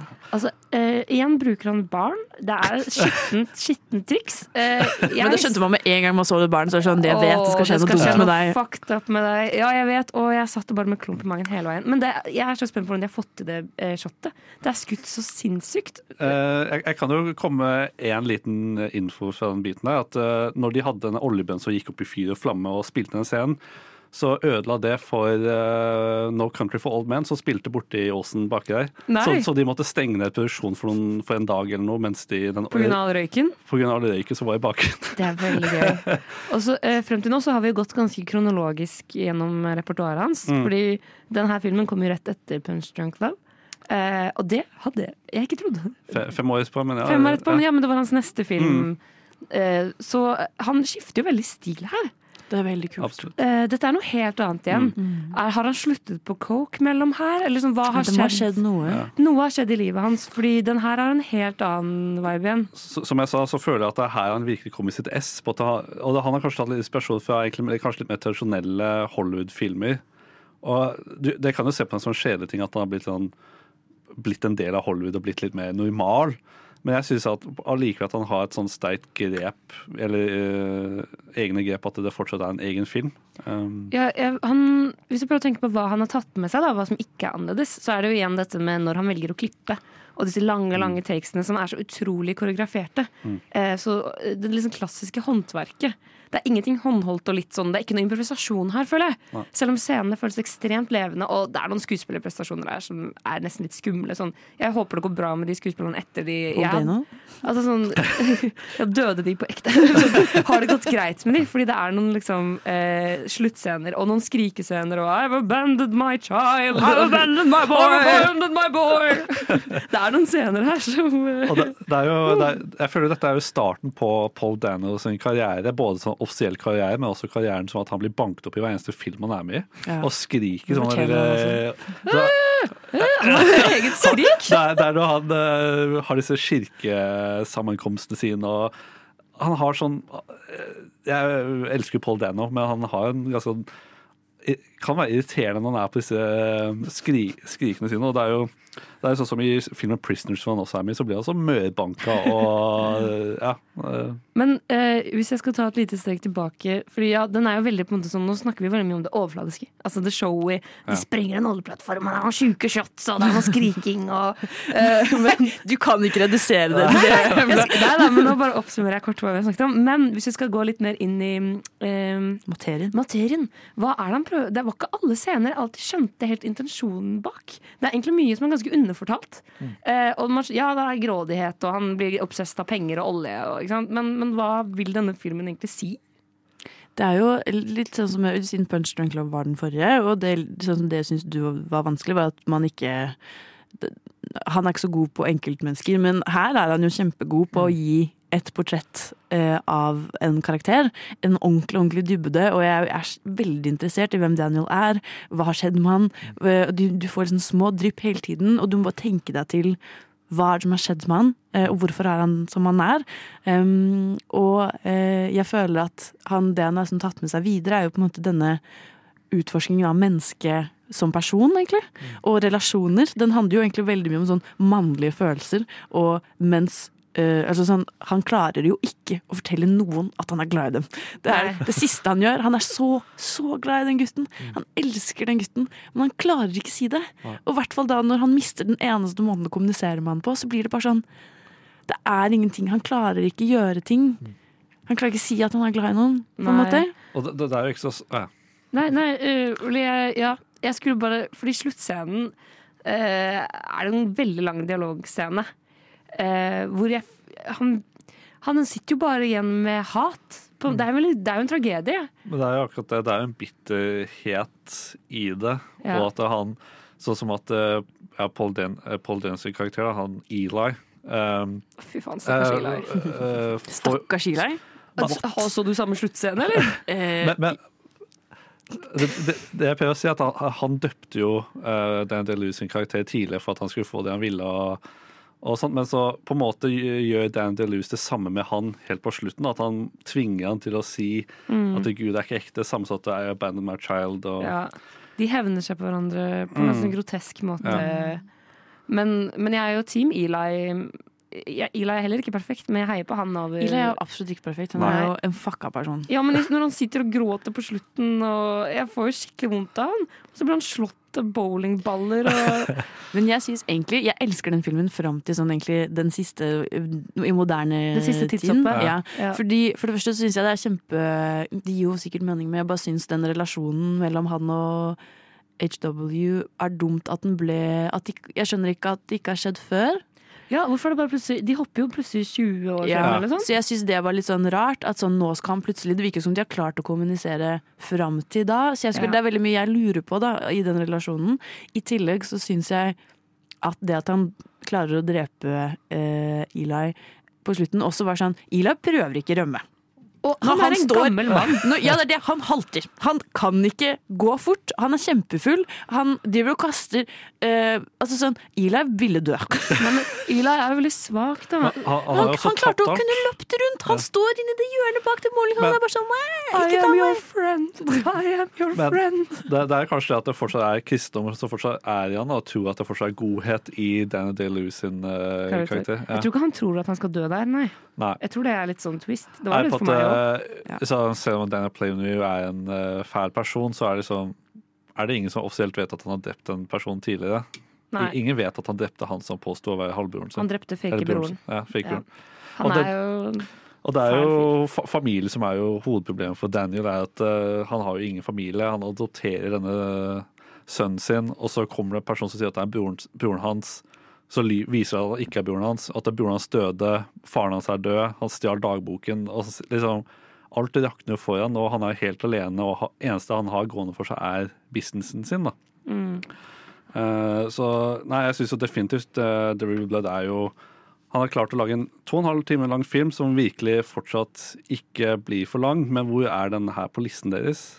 Oh, jeg eh, ville egentlig satt den høyere, men det er bare det at alle filmene her er så bra. Så den havner på fjerde, rett og slett. Så lavt ned, men det er den eneste plassen jeg har igjen. Nei, du kan bytte om. Det er lov å bytte. Nei, men det står mellom den og Jeg har fire og tre igjen. Ok. Eh, og da Phantom Thread kommer én over denne. Men eh, Spoiler. Jeg vil bare, ja, det er en liten spoiler. Hei, hei, hei. Men jeg må bare nevne kjapt at noe av det som gjør at denne filmen Jeg føler at denne filmen sier veldig mye om han som person. Paul, liksom. Jeg føler at det, han, Det er et portrett av den frykten han har av seg selv. Og hvordan hans rise to fame som regissør Skjønner du hva jeg mener? At olje er litt som metafor for, eh, for filmbusinessen. Han har nettopp dyttet Fiona Apple ut av en bil.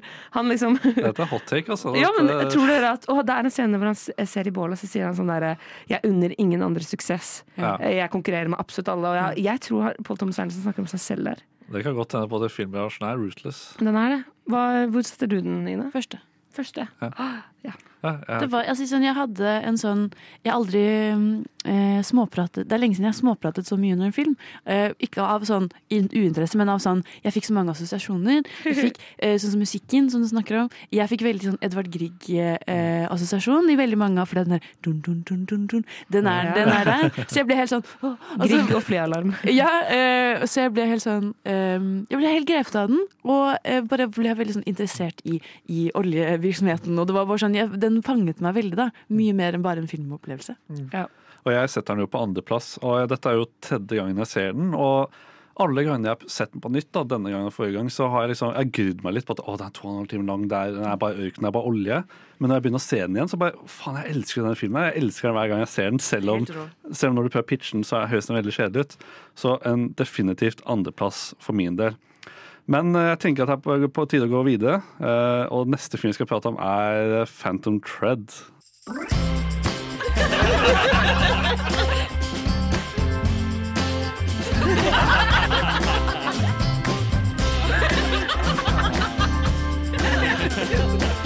Du hører på Nova Noir hver torsdag 10-12.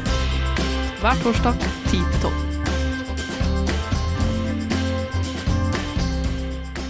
Folkens, da er vi kommet til den siste filmen vi skal prate om, og det er Phantom Tread. Det er eh, Jeg skal prøve å holde meg i ro her. Jeg, jeg, jeg må bare si rett ut, det er min favorittfilm av eh, Paul Thomas Anderson så, så langt. Ja. Eh, Denne har jo med seg Daniel Day-Lewis igjen. Dette er jo, det er jo ti år etter, Den kom ut i 2017, som er jo ti år etter uh, There Will Be Blood. Det var vel litt filmer imellom der vi nå hoppet over. vi, hoppet, vi hoppet over The Master og Inherent Vice. Eh, vi har jo ikke plass til alle, så klart, så vi tok jo kanskje en god miks. Men ja, det kom ut i 2017. Uh, Day-Lewis, Leslie Manville og Vicky Creeps, eller hvordan man Creeps. Creeps. She gives me the creeps. Nei, eh, det gjør hun absolutt ikke. på at Hun er, hun er strålende i denne filmen her.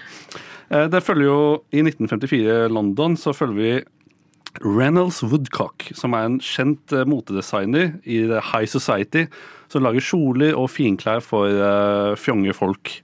Eh, og mens han er ute i en village og spiser frokost eller hva enn han gjør, så møter han eh, servitøren eh, spilt av Wiki Creeps, og de eh, får et eh, forhold som eh, får litt turbulente ting som skjer. Her arrival has cast a very long shadow. She's barely looked at you this evening, has she? May I warn you of something? My brother can feel cursed, that love is doomed for him. I don't like the fabric. Maybe one day you'll change your taste. Maybe I like my own taste. Just enough to get you into trouble. Perhaps I'm looking for trouble. Stop. There is an air of quiet death in this house. You're not cursed, you're loved by me. Stop playing this game. What game? What precisely is the nature of my game? All your rules and your clothes and all this money and everything is a game. This was an ambush. Stop. Are you sent here to ruin my evening? And possibly my entire life? Stop it! Whatever you do, do it carefully.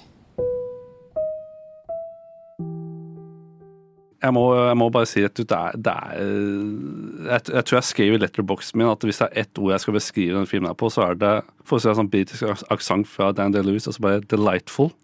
Jeg bare, den er så godt sammensatt. Den, er, den har mye følelser, musikk, eh, setting, kostyme. Det er bare sånn er, En ting som er interessant, er at jeg hater jo kostymedrama og egentlig temat, liksom, situasjonen her, men allikevel så er dette en av mine favorittfilmer, bare på at den er så godt satt sammen. Elsker ikke du Barry Lyndon? Jo, det er akkurat det. Ja, men jeg, jeg, pra- jeg har pratet om det tidligere, men jeg, hater, jeg er egentlig ikke så glad i sci-fi som sjanger, og, eller periodedrama. Men allikevel så er Blade Runner og Barry Lyndon og Fandle Tread mine favorittfilmer, selv om det ikke er favoritt, mine favorittsjangere. Og den handler til og med om eh, kostymer. Altså, Ja, det handler om kostyme og sying og Æsj, liker du mote, Lars? Jeg vet det. Så sykt lite maskulint. Ja. Men den er jo veldig sånn eh, detaljene av at han lager denne kjolen, og at han putter Ja. sånn små lapper inn i kjolen, og den er jo veldig Mm. sånn delikat film, Ja. og den er veldig sånn rolig og litt sånn eh, flott. Mm. På En helt annen måte. Den er ikke noe gritty, sånn som de tidligere filmene hans kan være. Men den er jo også ganske thrilleraktig, i hvert fall mot slutten. Eh, Så får jeg, jeg fikk i hvert fall de to gangene jeg har sett den, har jeg fått puls, eh, høy puls begge ganger. Det er sånn, den er jo, det er noe gærent med han. Og jeg, jeg husker første gang jeg så traileren. Traileren er jo klippet nesten som en horrorfilm. Ja. Eh, Bare sånn der med Med musikk og jeg, eh, Du kan gjemme så mange hemmeligheter inni klærne og sånt, men ja, det er Den, den gir meg litt eh, assosiasjoner til eh, Gone Girl. Eh, bare, det, er, bare li, det er jo to helt forskjellige univers, men bare litt i elegansen. Og litt sånn fargepalett. Og litt det der, eh, dette veldig toksike forholdet. Eh, hun eh, Alma Mm. har jo litt sånn Amy Dune over seg. Amy Dune? Amy, Dunn? Eh, Dunn. Amy Dunn? Dunn er det Ja. Amy, Amy Det er. Dune. Ja. Hun er hovedpersonen i Gone Girl. Litt sånn derre eh, kvinnerolle. Eh, mm, fucka toxic forhold. Mye mellom linjene. Og det er liksom, som med begge filmer, så er det er noe, bare, bare noe som føles off. Det er, sånn, det er noe som ikke er helt riktig. eller Det er, noe sånn, det er stivt, det er, liksom, det er noe sånn ordentlig, men det er liksom noe bak der som er eh, eh, veldig spennende. Men eh, som jeg sa innledningsvis, er at vi har jo Vicky Krips, Krips, Krips, eh, som er jo fra Nederland eller Belgia i de områdene der. Og så får hun en skal spille mot Danny Day-Lewis, som er kanskje den mest suksessfulle mannlige skuespilleren med nominasjoner og hele pakka. Hun, hun klarer å stå opp mot han og dominere skjermen mot Danny Day. Liksom, ja, er, jeg syns det er helt vilt hvor god prestasjon hun gir. Absolutt. Hun er ut, og jeg følte at det var da jeg fikk sånn ordentlig øynene opp for henne. Og hun er, alt hun gjør, er kjempebra. Mm. Um, så det er utrolig sånn, takknemlig for at hun fikk muligheten via den filmen. Men det jeg syns er gøy, eller sånn, å sammenligne, er jo det er Phantom Thread, og så kom Licorice Pizza etter det. Og det er to veldig, veldig forskjellige filmer. Og de gir liksom um, denne er jo igjen da, Dette er litt mer som karakterstudie og relasjoner mellom to mennesker. Eh, mens Licorice Pizza går jo litt mer tilbake til røttene hans.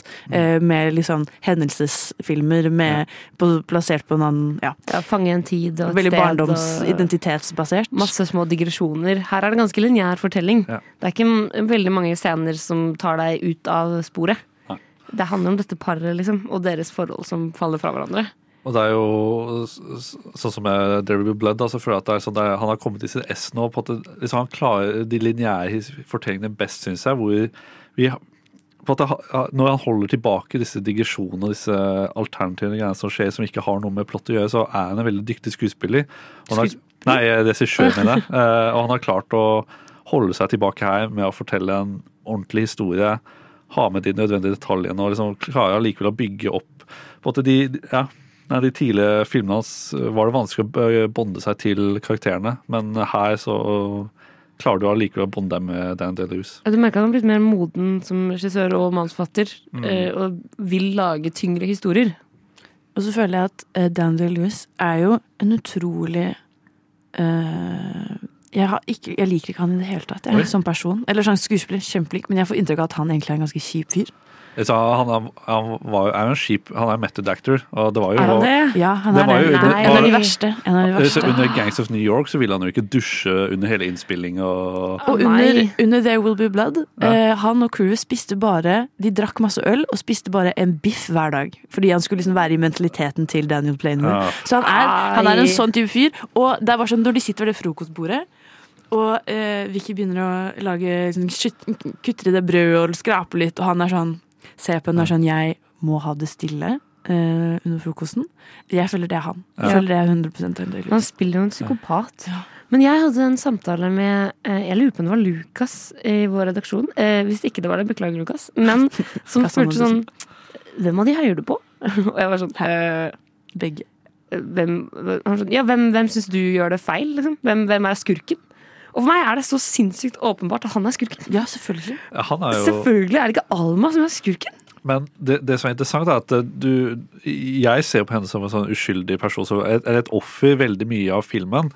Men på slutten så, virker du, så merker du at eh, hun er jo også rar, hun òg. Og de egentlig fortjener hverandre ganske mye på slutten der. På at, Eller de har i hvert fall forråtnet hverandre. ja, på at, på på at han har et sånt et, Jeg tror han har noe, et slags mommy-issue, med tanke på at han har lyst til å bli tatt vare på. Han har lyst til å være syk, så at hun kan passe på, og liksom hele den greia der. Og jeg, jeg Mm. synes jo det er Og hun Det virker som hun liker å spille inn på det, da. Så det er jo åpenbart at hun De har noen issues. Den Ja. eneste måten hun får kontroll over ham på, er jo å gjøre ham syk. Ja, ikke sant. Eh, men det som jeg føler den store twisten i slutten, og som er interessant, er at han går med på det. Eller at han, er, han liker det rollespillet, han òg. Den Ja. sluttscenen er så guffen. eh, hvor de på en måte bare hengir seg til å ja, og bare gi opp alt. Eller jeg bare føler at det er en sånn trist slutt, selv om de egentlig får hverandre. Ja. Men de får hverandre i noe veldig mørkt. Ja, Den er, føles guffen, liksom. Det er jo det at de finner et kink de begge, begge liker og kan fortsette med det, da. Men det er Jeg vil ikke si at det er en mørk slutt, på at eh, begge er jo, har lyst på det, og det er ikke noe dødelig i denne slutten, egentlig. Så de er jo ikke bra for hverandre. De har det jo ikke Nei, det- godt. du- De må du- jo komme seg ut, Du kan jo si at det forholdet kanskje ikke er bra om ti år, men uh, Det er jo ikke bra nå, Lars. Det er jo allerede helt fucked up. Det har ikke vært bra nesten fra start. Det er bra i ti minutter, og så er det jo forferdelig. Ja, men det er det som er spennende, da. Ja. det, Men jeg eh, leste på vei hit at eh, han har skutt filmen selv. Ja. Altså Han har ikke jobbet med en DOP. det er jo det at eh, han har jo hatt et samarbeid med Robert Elswit i jeg tror nesten alle filmene hans. Eh, og så plutselig går det rykter når de spiller inn film at han er DP selv. selv og Ja. så står det ingen credit i creditsene. Og så kommer Robert Elswit ut senere og sier jeg kommer ikke til å jobbe med han igjen. Så Å ja, var det derfor? Etter uh... Nei, men, nei, men det, det, er, det er ikke Man vet ikke om det har vært en konflikt der, eller noe, men du merker jo det at uh, Paul Thomas Anderson sin filmer er ganske like. Eller Ja. han, han er litt sånn som Kubrick, at han liksom Det er, er vi- det, det en viss eh, stil, så det kan hende at det er bare et fotograf som uh, føler seg micromanager og egentlig bare blir satt til å følge ordre istedenfor å være kreativ selv. Og da er det jo naturlig at man uh, trekker seg ut. Ja, men uh, ja, det er jo rart at han uh, At de ikke har sagt noe offentlig på det. Men hvis jeg nå skal følge dette sporet jeg startet når vi snakket om There Will Be Blood, som er at egentlig han bare lager filmer om seg selv, Mm. eh, og vi ser for oss at han er eh, og nå, Hva heter han igjen? Han eh, syrsken Woodcock. Woodcock. Woodcock. Han er, det er Paul Thomas Anderson selv. Eh, og han, han er jo sånn kjempestreng i håndverket sitt, micromanager alt kjempe Og her har jo Paul Thomas Anderson til og med villet skyte det selv, så at hvert eneste bilde i denne filmen skulle bli akkurat sånn som han ville ha det. Altså Jeg føler at det igjen viser han som på en måte blir mer og mer gæren i filmmediet på en annen måte. Det er en ganske god take, det, egentlig. Det er, og det, det er sikkert noe i det, egentlig. Jeg tror han er veldig perfeksjonist, fordi filmene hans føles veldig kalkulert og planlagte. Men da føler jeg, for å ta den videre, er jo at øh, det er jo et øh, veldig åpenbart øh, konsekvens av når regissører får lov til å gjøre alt selv, øh, sånn som for eksempel Irishman, øh, hvor Martin Scorsese blir jo kastet penger på, han får lov til å gjøre alt selv, og det blir altfor mye, og det blir alt for Scorsese, på en måte. Og da er det jo også åpenbart at hvis det er sånn her det slutter med samarbeidet med de dyktige menneskene, så ikke at han ikke er dyktig i seg selv, men sånn som Licorice Pizza, da, som jeg ikke um, var så fan av, så er det jo åpenbart at her har jo han virkelig bare fått fri frie tøyler, og det er ingen som har stilt spørsmålstegn ved at kanskje du skal ha litt mer sammenheng, eller kanskje du skal bare, ting skal føles litt mer, da. For nå føler jeg at han var Jeg elsket også Phantom Thread, um, men jeg kan, ikke, jeg kan virkelig ikke se sammenhengen mellom denne og Licorice Pizza. De er, de er virkelig helt forskjellige filmer. Både utseendemessig og um, emosjonelt. Men jeg, jeg tror bare jeg, kan, jeg hadde ikke orket at han skulle lage enda en sånn her film til. Nei, det er helt enig. Jeg skjønner at han er litt sånn, Nå har jeg gått ned i det mørke og det veldig lineære. Nå vil jeg lage noe litt kaotisk igjen. For det er jo sånn han starta, og det er sånn jeg egentlig føler han er litt. Han har alle disse rare Sånn som her, at han putter små lapper inn i klærne. Det er ikke en Paul Thomas Anderson-film uten at han putter inn en quirky liten ting. Ja. Som flasker eller tannregulering eller cowboystøvler eller stereoanlegg. Det må liksom være noe rart. Men det var det jeg ikke likte med Licorice Pizza. Ikke at vi kan snakke altfor mye om den, men det er det at jeg følte at det var en dårligere versjon av Boogie Nights. Når jeg da så Boogie Nights for første gang nå, Mm. så ble jeg sånn Ok, men dette er jo dritbra, og dette er det alt Licorice Pizza ønsker at den var. Og du, det ser ut som Det hadde sett ut Det er nesten sånn um, når folk lager sånn Tarantino knockoff-filmer. Mm. Eller det er Tarantino også stjeler alt fra alle andre. Ja, det er det. Uh, Og disse er jo bros. Ja, ikke sant? At jeg følte at dette Hvis jeg ikke hadde visst at dette var samme personer, så hadde jeg tenkt at Licorice Pizza er en debutant eller ikke, det, er en, det er en ung regissør som har sett Boogie Nights og tenkt det skal jeg gjøre. På en måte. Jeg er helt enig, jeg likte jo Licorice Pizza veldig godt. Men uh, den minner meg veldig mye om Once Upon a Time in Hollywood, som jeg også liker veldig godt. Og de er jo egentlig bare samme film i to fonter. Vi, ja, vi pratet jo om det i en tidligere episode, at det er jo en dårlig versjon av det. Ikke det er en dårligere versjon, det er en annen versjon. Det er minus liksom kult og sånn, og mord. Vi bare går inn i liksom coming of age i stedet, som jeg liker veldig godt. da. Men um, ja, det er spennende. Veldig forskjellig vei han går nå. Spent på hva han kommer til å lage neste gang. Det er veldig spennende. Men hvis det er én ting jeg håper han fortsetter med, så er det jo jeg, for samarbeidet med Johnny Greenwood. På at han gjorde også soundtracket til eh, Phantom Tread, som også er en ypperlig uh, soundtrack som jeg eh, liksom, Det er sånn jeg har på spillelisten min sjøl, liksom. Bare på at den, den sam, liksom, som, med, sånn som filmen er veldig proper, liksom veldig sånn der uh, de har orden på ting og sånt, så er det jo denne musikken er også veldig sånn ja, Jeg tror egentlig det er veldig få filmer som sitter så godt med video og musikk. Det, det, det, det sitter så godt sammen at jeg blir målløs. Og jeg kan jo egentlig ikke si nok hvor mye jeg elsker eh, Johnny Greenwood eh, sitt arbeid på disse tingene. Men- Håndverket er knall. ja, er, jeg synes det er, det er en så godt sam, sammensatt film at den må jo definitivt på min eh, førsteplass over eh, disse fem filmene vi har pratet om i dag. Men uh, Embla, hvor ligger denne fra? Det blir tredjeplass. Det var en veldig hard kamp mot Boogie Nights og There Will Be Blood. Det er veldig vanskelig å rangere så bra filmer. Det er jo bare Punch Drunk Love jeg ikke liker. Uh, Så uh, ja, det blir en tredjeplass, men den er jo dritbra. Så ja. Jeg tror jeg flytter Magnolia ned til femteplass, og så Fy blir denne faen, fjerdeplass. Men er, er, er Phantom Thread bare fjerde? Det står jeg ikke Ja, Vi kan ta en gjennomgang ja. av- Vi tar det jeg, jeg, jeg, tror vi gjør det. Ja. Jeg tror det kommer noen eh, blåveis ekstra, men det trenger ikke dere å følge med på. Eh, på at eh, nå skal vi oppsummere disse filmene våre. Ho, ho, ho. Nå er det jul.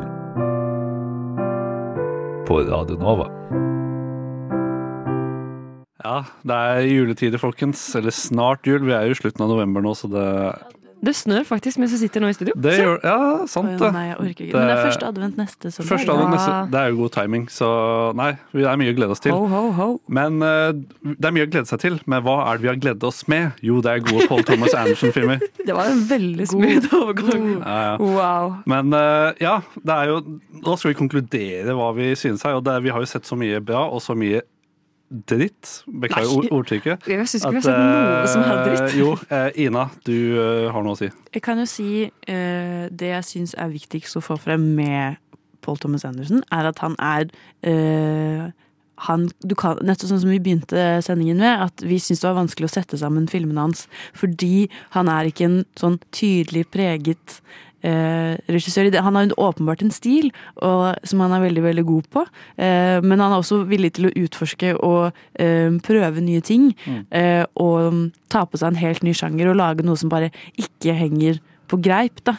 Eh, og han tar seg tid, han tar seg mange år imellom hver film også. Så det er åpenbart sånn at han fordyper seg ordentlig i filmene sine når han først lager de. Mm, og han kan være ekstremt morsom og ekstremt dyster. Han viser et veldig sånn enormt repertoar, da. Eh, og det kan være litt vanskelig å være sånn Selvfølgelig, ja, jeg vil jo si at han er en autør, for å bruke det begrepet. Absolutt. Altså en, en filmkunstner. Men han har ikke altså Tarantino har mye mer sånn dette er hans stil. Sånn er hans filmer. Mens disse filmene, uten, hvis jeg hadde sett de uten å vite at det var han, så er det ikke alltid jeg tror jeg hadde koblet at det er samme Altså at det var Paul Thomas Anderson. Da. Jeg kunne fort tenkt at det var forskjellige regissører. Absolutt. Og det er det som gjør han så mors, artig som regissør, at hver gang det kommer en film, så du vet ikke helt hva du skal få. Så nå har vi jo hatt disse tre, Magnolia, Punch and og Boogie Nights, som er helt forskjellige. Så har vi en oljewestern nesten, med The Ribble Blood, og så har vi jo The Master og Inherent Wise. og så går vi til Fender Treads og periodedrama. Og så Pizza. Det er Altså, ja, store hopp. Det er, det er store hopp. Og det, som vi pratet om tidligere, så er det virket som at uh, Licorice Pizza er et hopp tilbake. Da, på at det, er, det er jo første film man faktisk uh, går i gamle trakter med tema, eller sånn Digresjoner Dig- digresjoner Ah, ja, det er gøy. og liksom setting. Det er sånn 1970 South Fernando Valley. Det er sånn Paul just wanna have fun. ja, så det, det er jo åpenbart Sånn som jeg har sett, altså, Vi har jo pratet mye om det at han har mye Han liker coming of age. Det er Ja. mye vokse opp. Han tar mye fra sin barndom, hvordan han så ting. Eh, Det er jo den kjærlighetsdrama, den teenage infatuation med at han likte ja, moren til Hame. Ja, hele situasjonen der var jo litt skummel, men det er åpenbart at han tar mye fra sin barndom, og det er jo det som er jo spennende. Men Og kanskje seg selv i de senere filmene. Ja. Ifølge min teori, i hvert fall. Ja. Jeg skal skrive denne Reddit-post, kan vi se om folk er enige med meg. ja, du har jo vært eh, detektiv og dypdykket ned i Ja, inn konspirasjonsteorier. i hans psykologi. Jeg, tror jeg, vi har, jeg føler at jeg kjenner ham veldig godt nå. føler dere òg? Ja, det er jo kanskje ikke på en måte jeg har lyst til å kjenne han på, men det er åpenbart at jeg har fått eh, et, en ny vinkel å se han på. Jeg merker at jeg heier på han nå. Ja. Uh, jeg hadde en fordom om at han var litt for, for filmbrosa, Mm. men uh, han traff meg òg. Jeg føler at han har virkelig, som jeg sa tidligere, at han startet som filmbro og startet veldig sånn pretensiøs, men jeg føler han har klart å holde seg litt tilbake i de senere filmene og faktisk fortelle en bedre historie. Nå hoppet vi over Hard Eight, Ja. uh, som er jo debutfilmen, så, men eh, jeg syns på en måte egentlig det er eh, overraskende lite pretensiøst i nesten alle filmene hans. Selv når det er litt sånn pretensiøse tematikk og litt svulstig dialog og lange takes, så føles det ganske genuint. Eh, nå har ikke jeg sett The Master og sånn, da, og Inherent Vice, Nei. men av de vi har snakket om i dag, så de er veldig forskjellige. Mm. Men jeg føler ikke at han prøver å tøffe seg i noen av de. Eh, Det er sant. det er fordi det er for mye humor der til det. Ja. Tarantino kan føles som han tøffer seg litt. Ja. Eh, jeg sammenligner de mye fordi de er liksom bestevenner og på, på samme tid, så jeg føler de er en naturlig sammenligning å, å gjøre. Absolutt. Men jeg bare føler at Paul, han liksom bare Han er bare veldig opptatt av filmer. ass. Ja, det er, eh, ja. Han er en håndverker. Det har vi sagt mange ganger i år, men i år. Ja, men jeg- vil jo definitivt si at han er en av de toppregissørene nå i nyere tid som lager kvalitetsfilm som ikke er for mainstream, men ikke er for pretensiøs. Liksom, han tror trår en fin linje, da, og kanskje smører seg litt opp mot uh, Oscar-nominasjoner til tider. Og, Men han har jo aldri vunnet, da. Aldri? Ah, Nei, jeg googla. Han har blitt nominert sånn tolv Ja, ja. ganger. Aldri vunnet. Nei, men det er jo ja. Ikke for manus eller regi. Nei. Han, det var derfor han kastet den stolen på Fiona App. eh, fordi han Ja. tapte for Boogie Nights. Men uh, fra Ja. å kaste stoler til å kaste lister, uh, kan vi ikke oppsummere no, han vant jo for There Will Be Blood. Gjorde han det? Ja, gjorde Nei, det var Danny DeLue som vant. Ja, ikke sant? Sorry. Ja. mhm. Men uh, Det er liten seier, da. Ina, kan du ikke oppsummere din eh, liste, liste? over filmer? Um, det kan jeg. Jeg har eh, på femteplass så har jeg Magnolia. Mm. Eh, og dette, igjen da, dette er basert på de fem filmene vi har snakket om i dag, så listen kan jo se annerledes ut i perspektiv eh, fra andre filmer. Ehm, deretter Phantom Shred på fjerdeplass. Eh, så Punch Drunk Love på tredjeplass. Boogie Nights på andreplass. Og There Will Be Blood på en suveren førsteplass. Jeg har Punch Drunk Love på femteplass. There Will Be Blood på fjerdeplass. Phantom Thread på tredjeplass. Boogie Nights på andreplass. Og Magnolia på førsteplass. Eh, Sjukt at dere har den på femte. Ja. eh, jeg er litt med, ligner litt mer på Inas liste, med Magnolia på femte. Vi har Punch Drunk Love på fjerde. Boogie Nights på tredje. There Will Be Blood på andre. Og Phantom Tread på en ærverdig førsteplass. Vil du høre hva internett har, hvordan internett har arrangert det? Ja. Altså Letterbox, da. Jeg vil jo si at Det som er kult her nå, er at vi har veldig forskjellig Ja. smak. Det er hyggelig. noe for alle hos Ja. Paul. Ja. Mm. Vi har blitt sånn på førstenavn. Også Paul. Uh, internett. Dano? Nå hopper jeg over de filmene vi ikke har snakket om Ja. i dag. Mm, ja. Så av de vi har snakket om, så er femteplass Punch Drunk Love. Ha, okay, ta den. Det er fordi den er for rar for de Ja, fleste. det Du er ikke ja. smart nok, Embla. Mhm. Det er dere og Magnolia. Uh, Fjerdeplass er faktisk Phantom Thread. Nei. Eh, Tredjeplass er Magnolia. Andreplass er Boogie Nights. Og førsteplass er There Will Be Blood. Så det ligner jo litt på din liste. Det er fordi jeg er Du er som folket, du er mainstream. Du er Ina, mainstream. du, du er en average moviegoer. Vi, jeg og Lars tenker Wow. bare litt annerledes, vi. Ja. Men jeg, jeg føler jo at eh, konsensus i, i studio nå er at vi liker han. da. Ja, Hvis absolutt. spørsmålet er geni eller gubbe eller jålebukk eller eh, mastermind, så Ja. Han har fått vårt, vårt, vår approval. Ja. Nei, jeg holder fast ved at han har virkelig eh, blitt mer voksen og blitt mer eh, mature og holdt seg tilbake i de nye filmene. Og, men selv om han har gått litt tilbake i Licorice Pizza, så tror jeg fortsatt vi ser en lys fremtid for han. Du lytter til Radio Nova.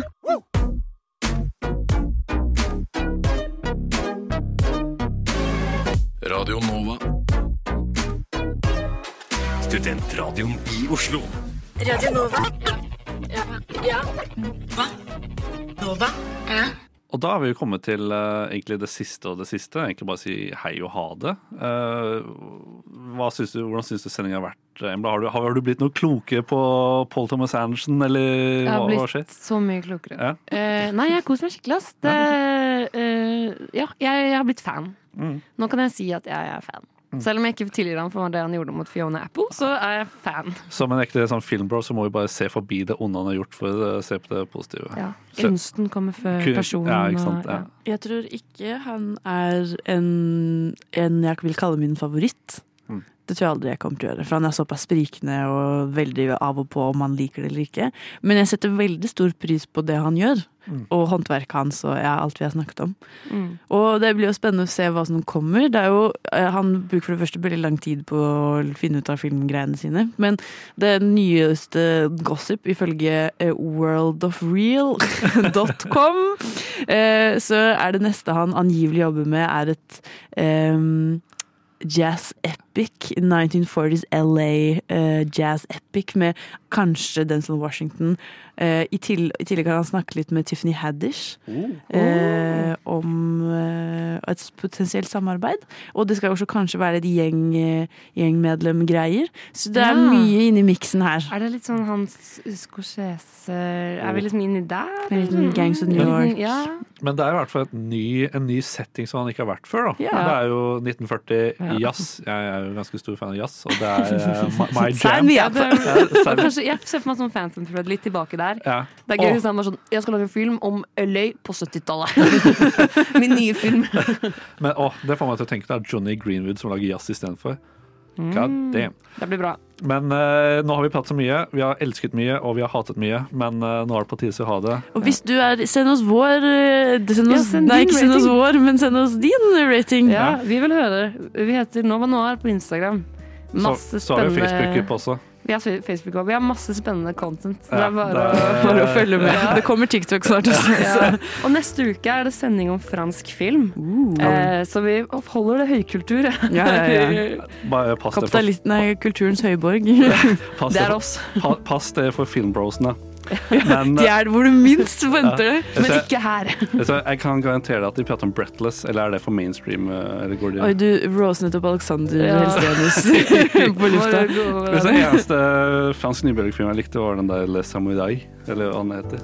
Du, Det er så, nå er det du som filmbro. Ja, Ja, ja. Men, vi, eh, vi stenger denne Vi, krana. vi, vi åpner den igjen neste okay, uke. vi, vi wrapper opp nå, men det var hyggelig. Det var meg, Lars Venskram og Embla Aslein. Og Ina Sletten. Takk for i dag, og vi ses. Du lytter til Radio Nova.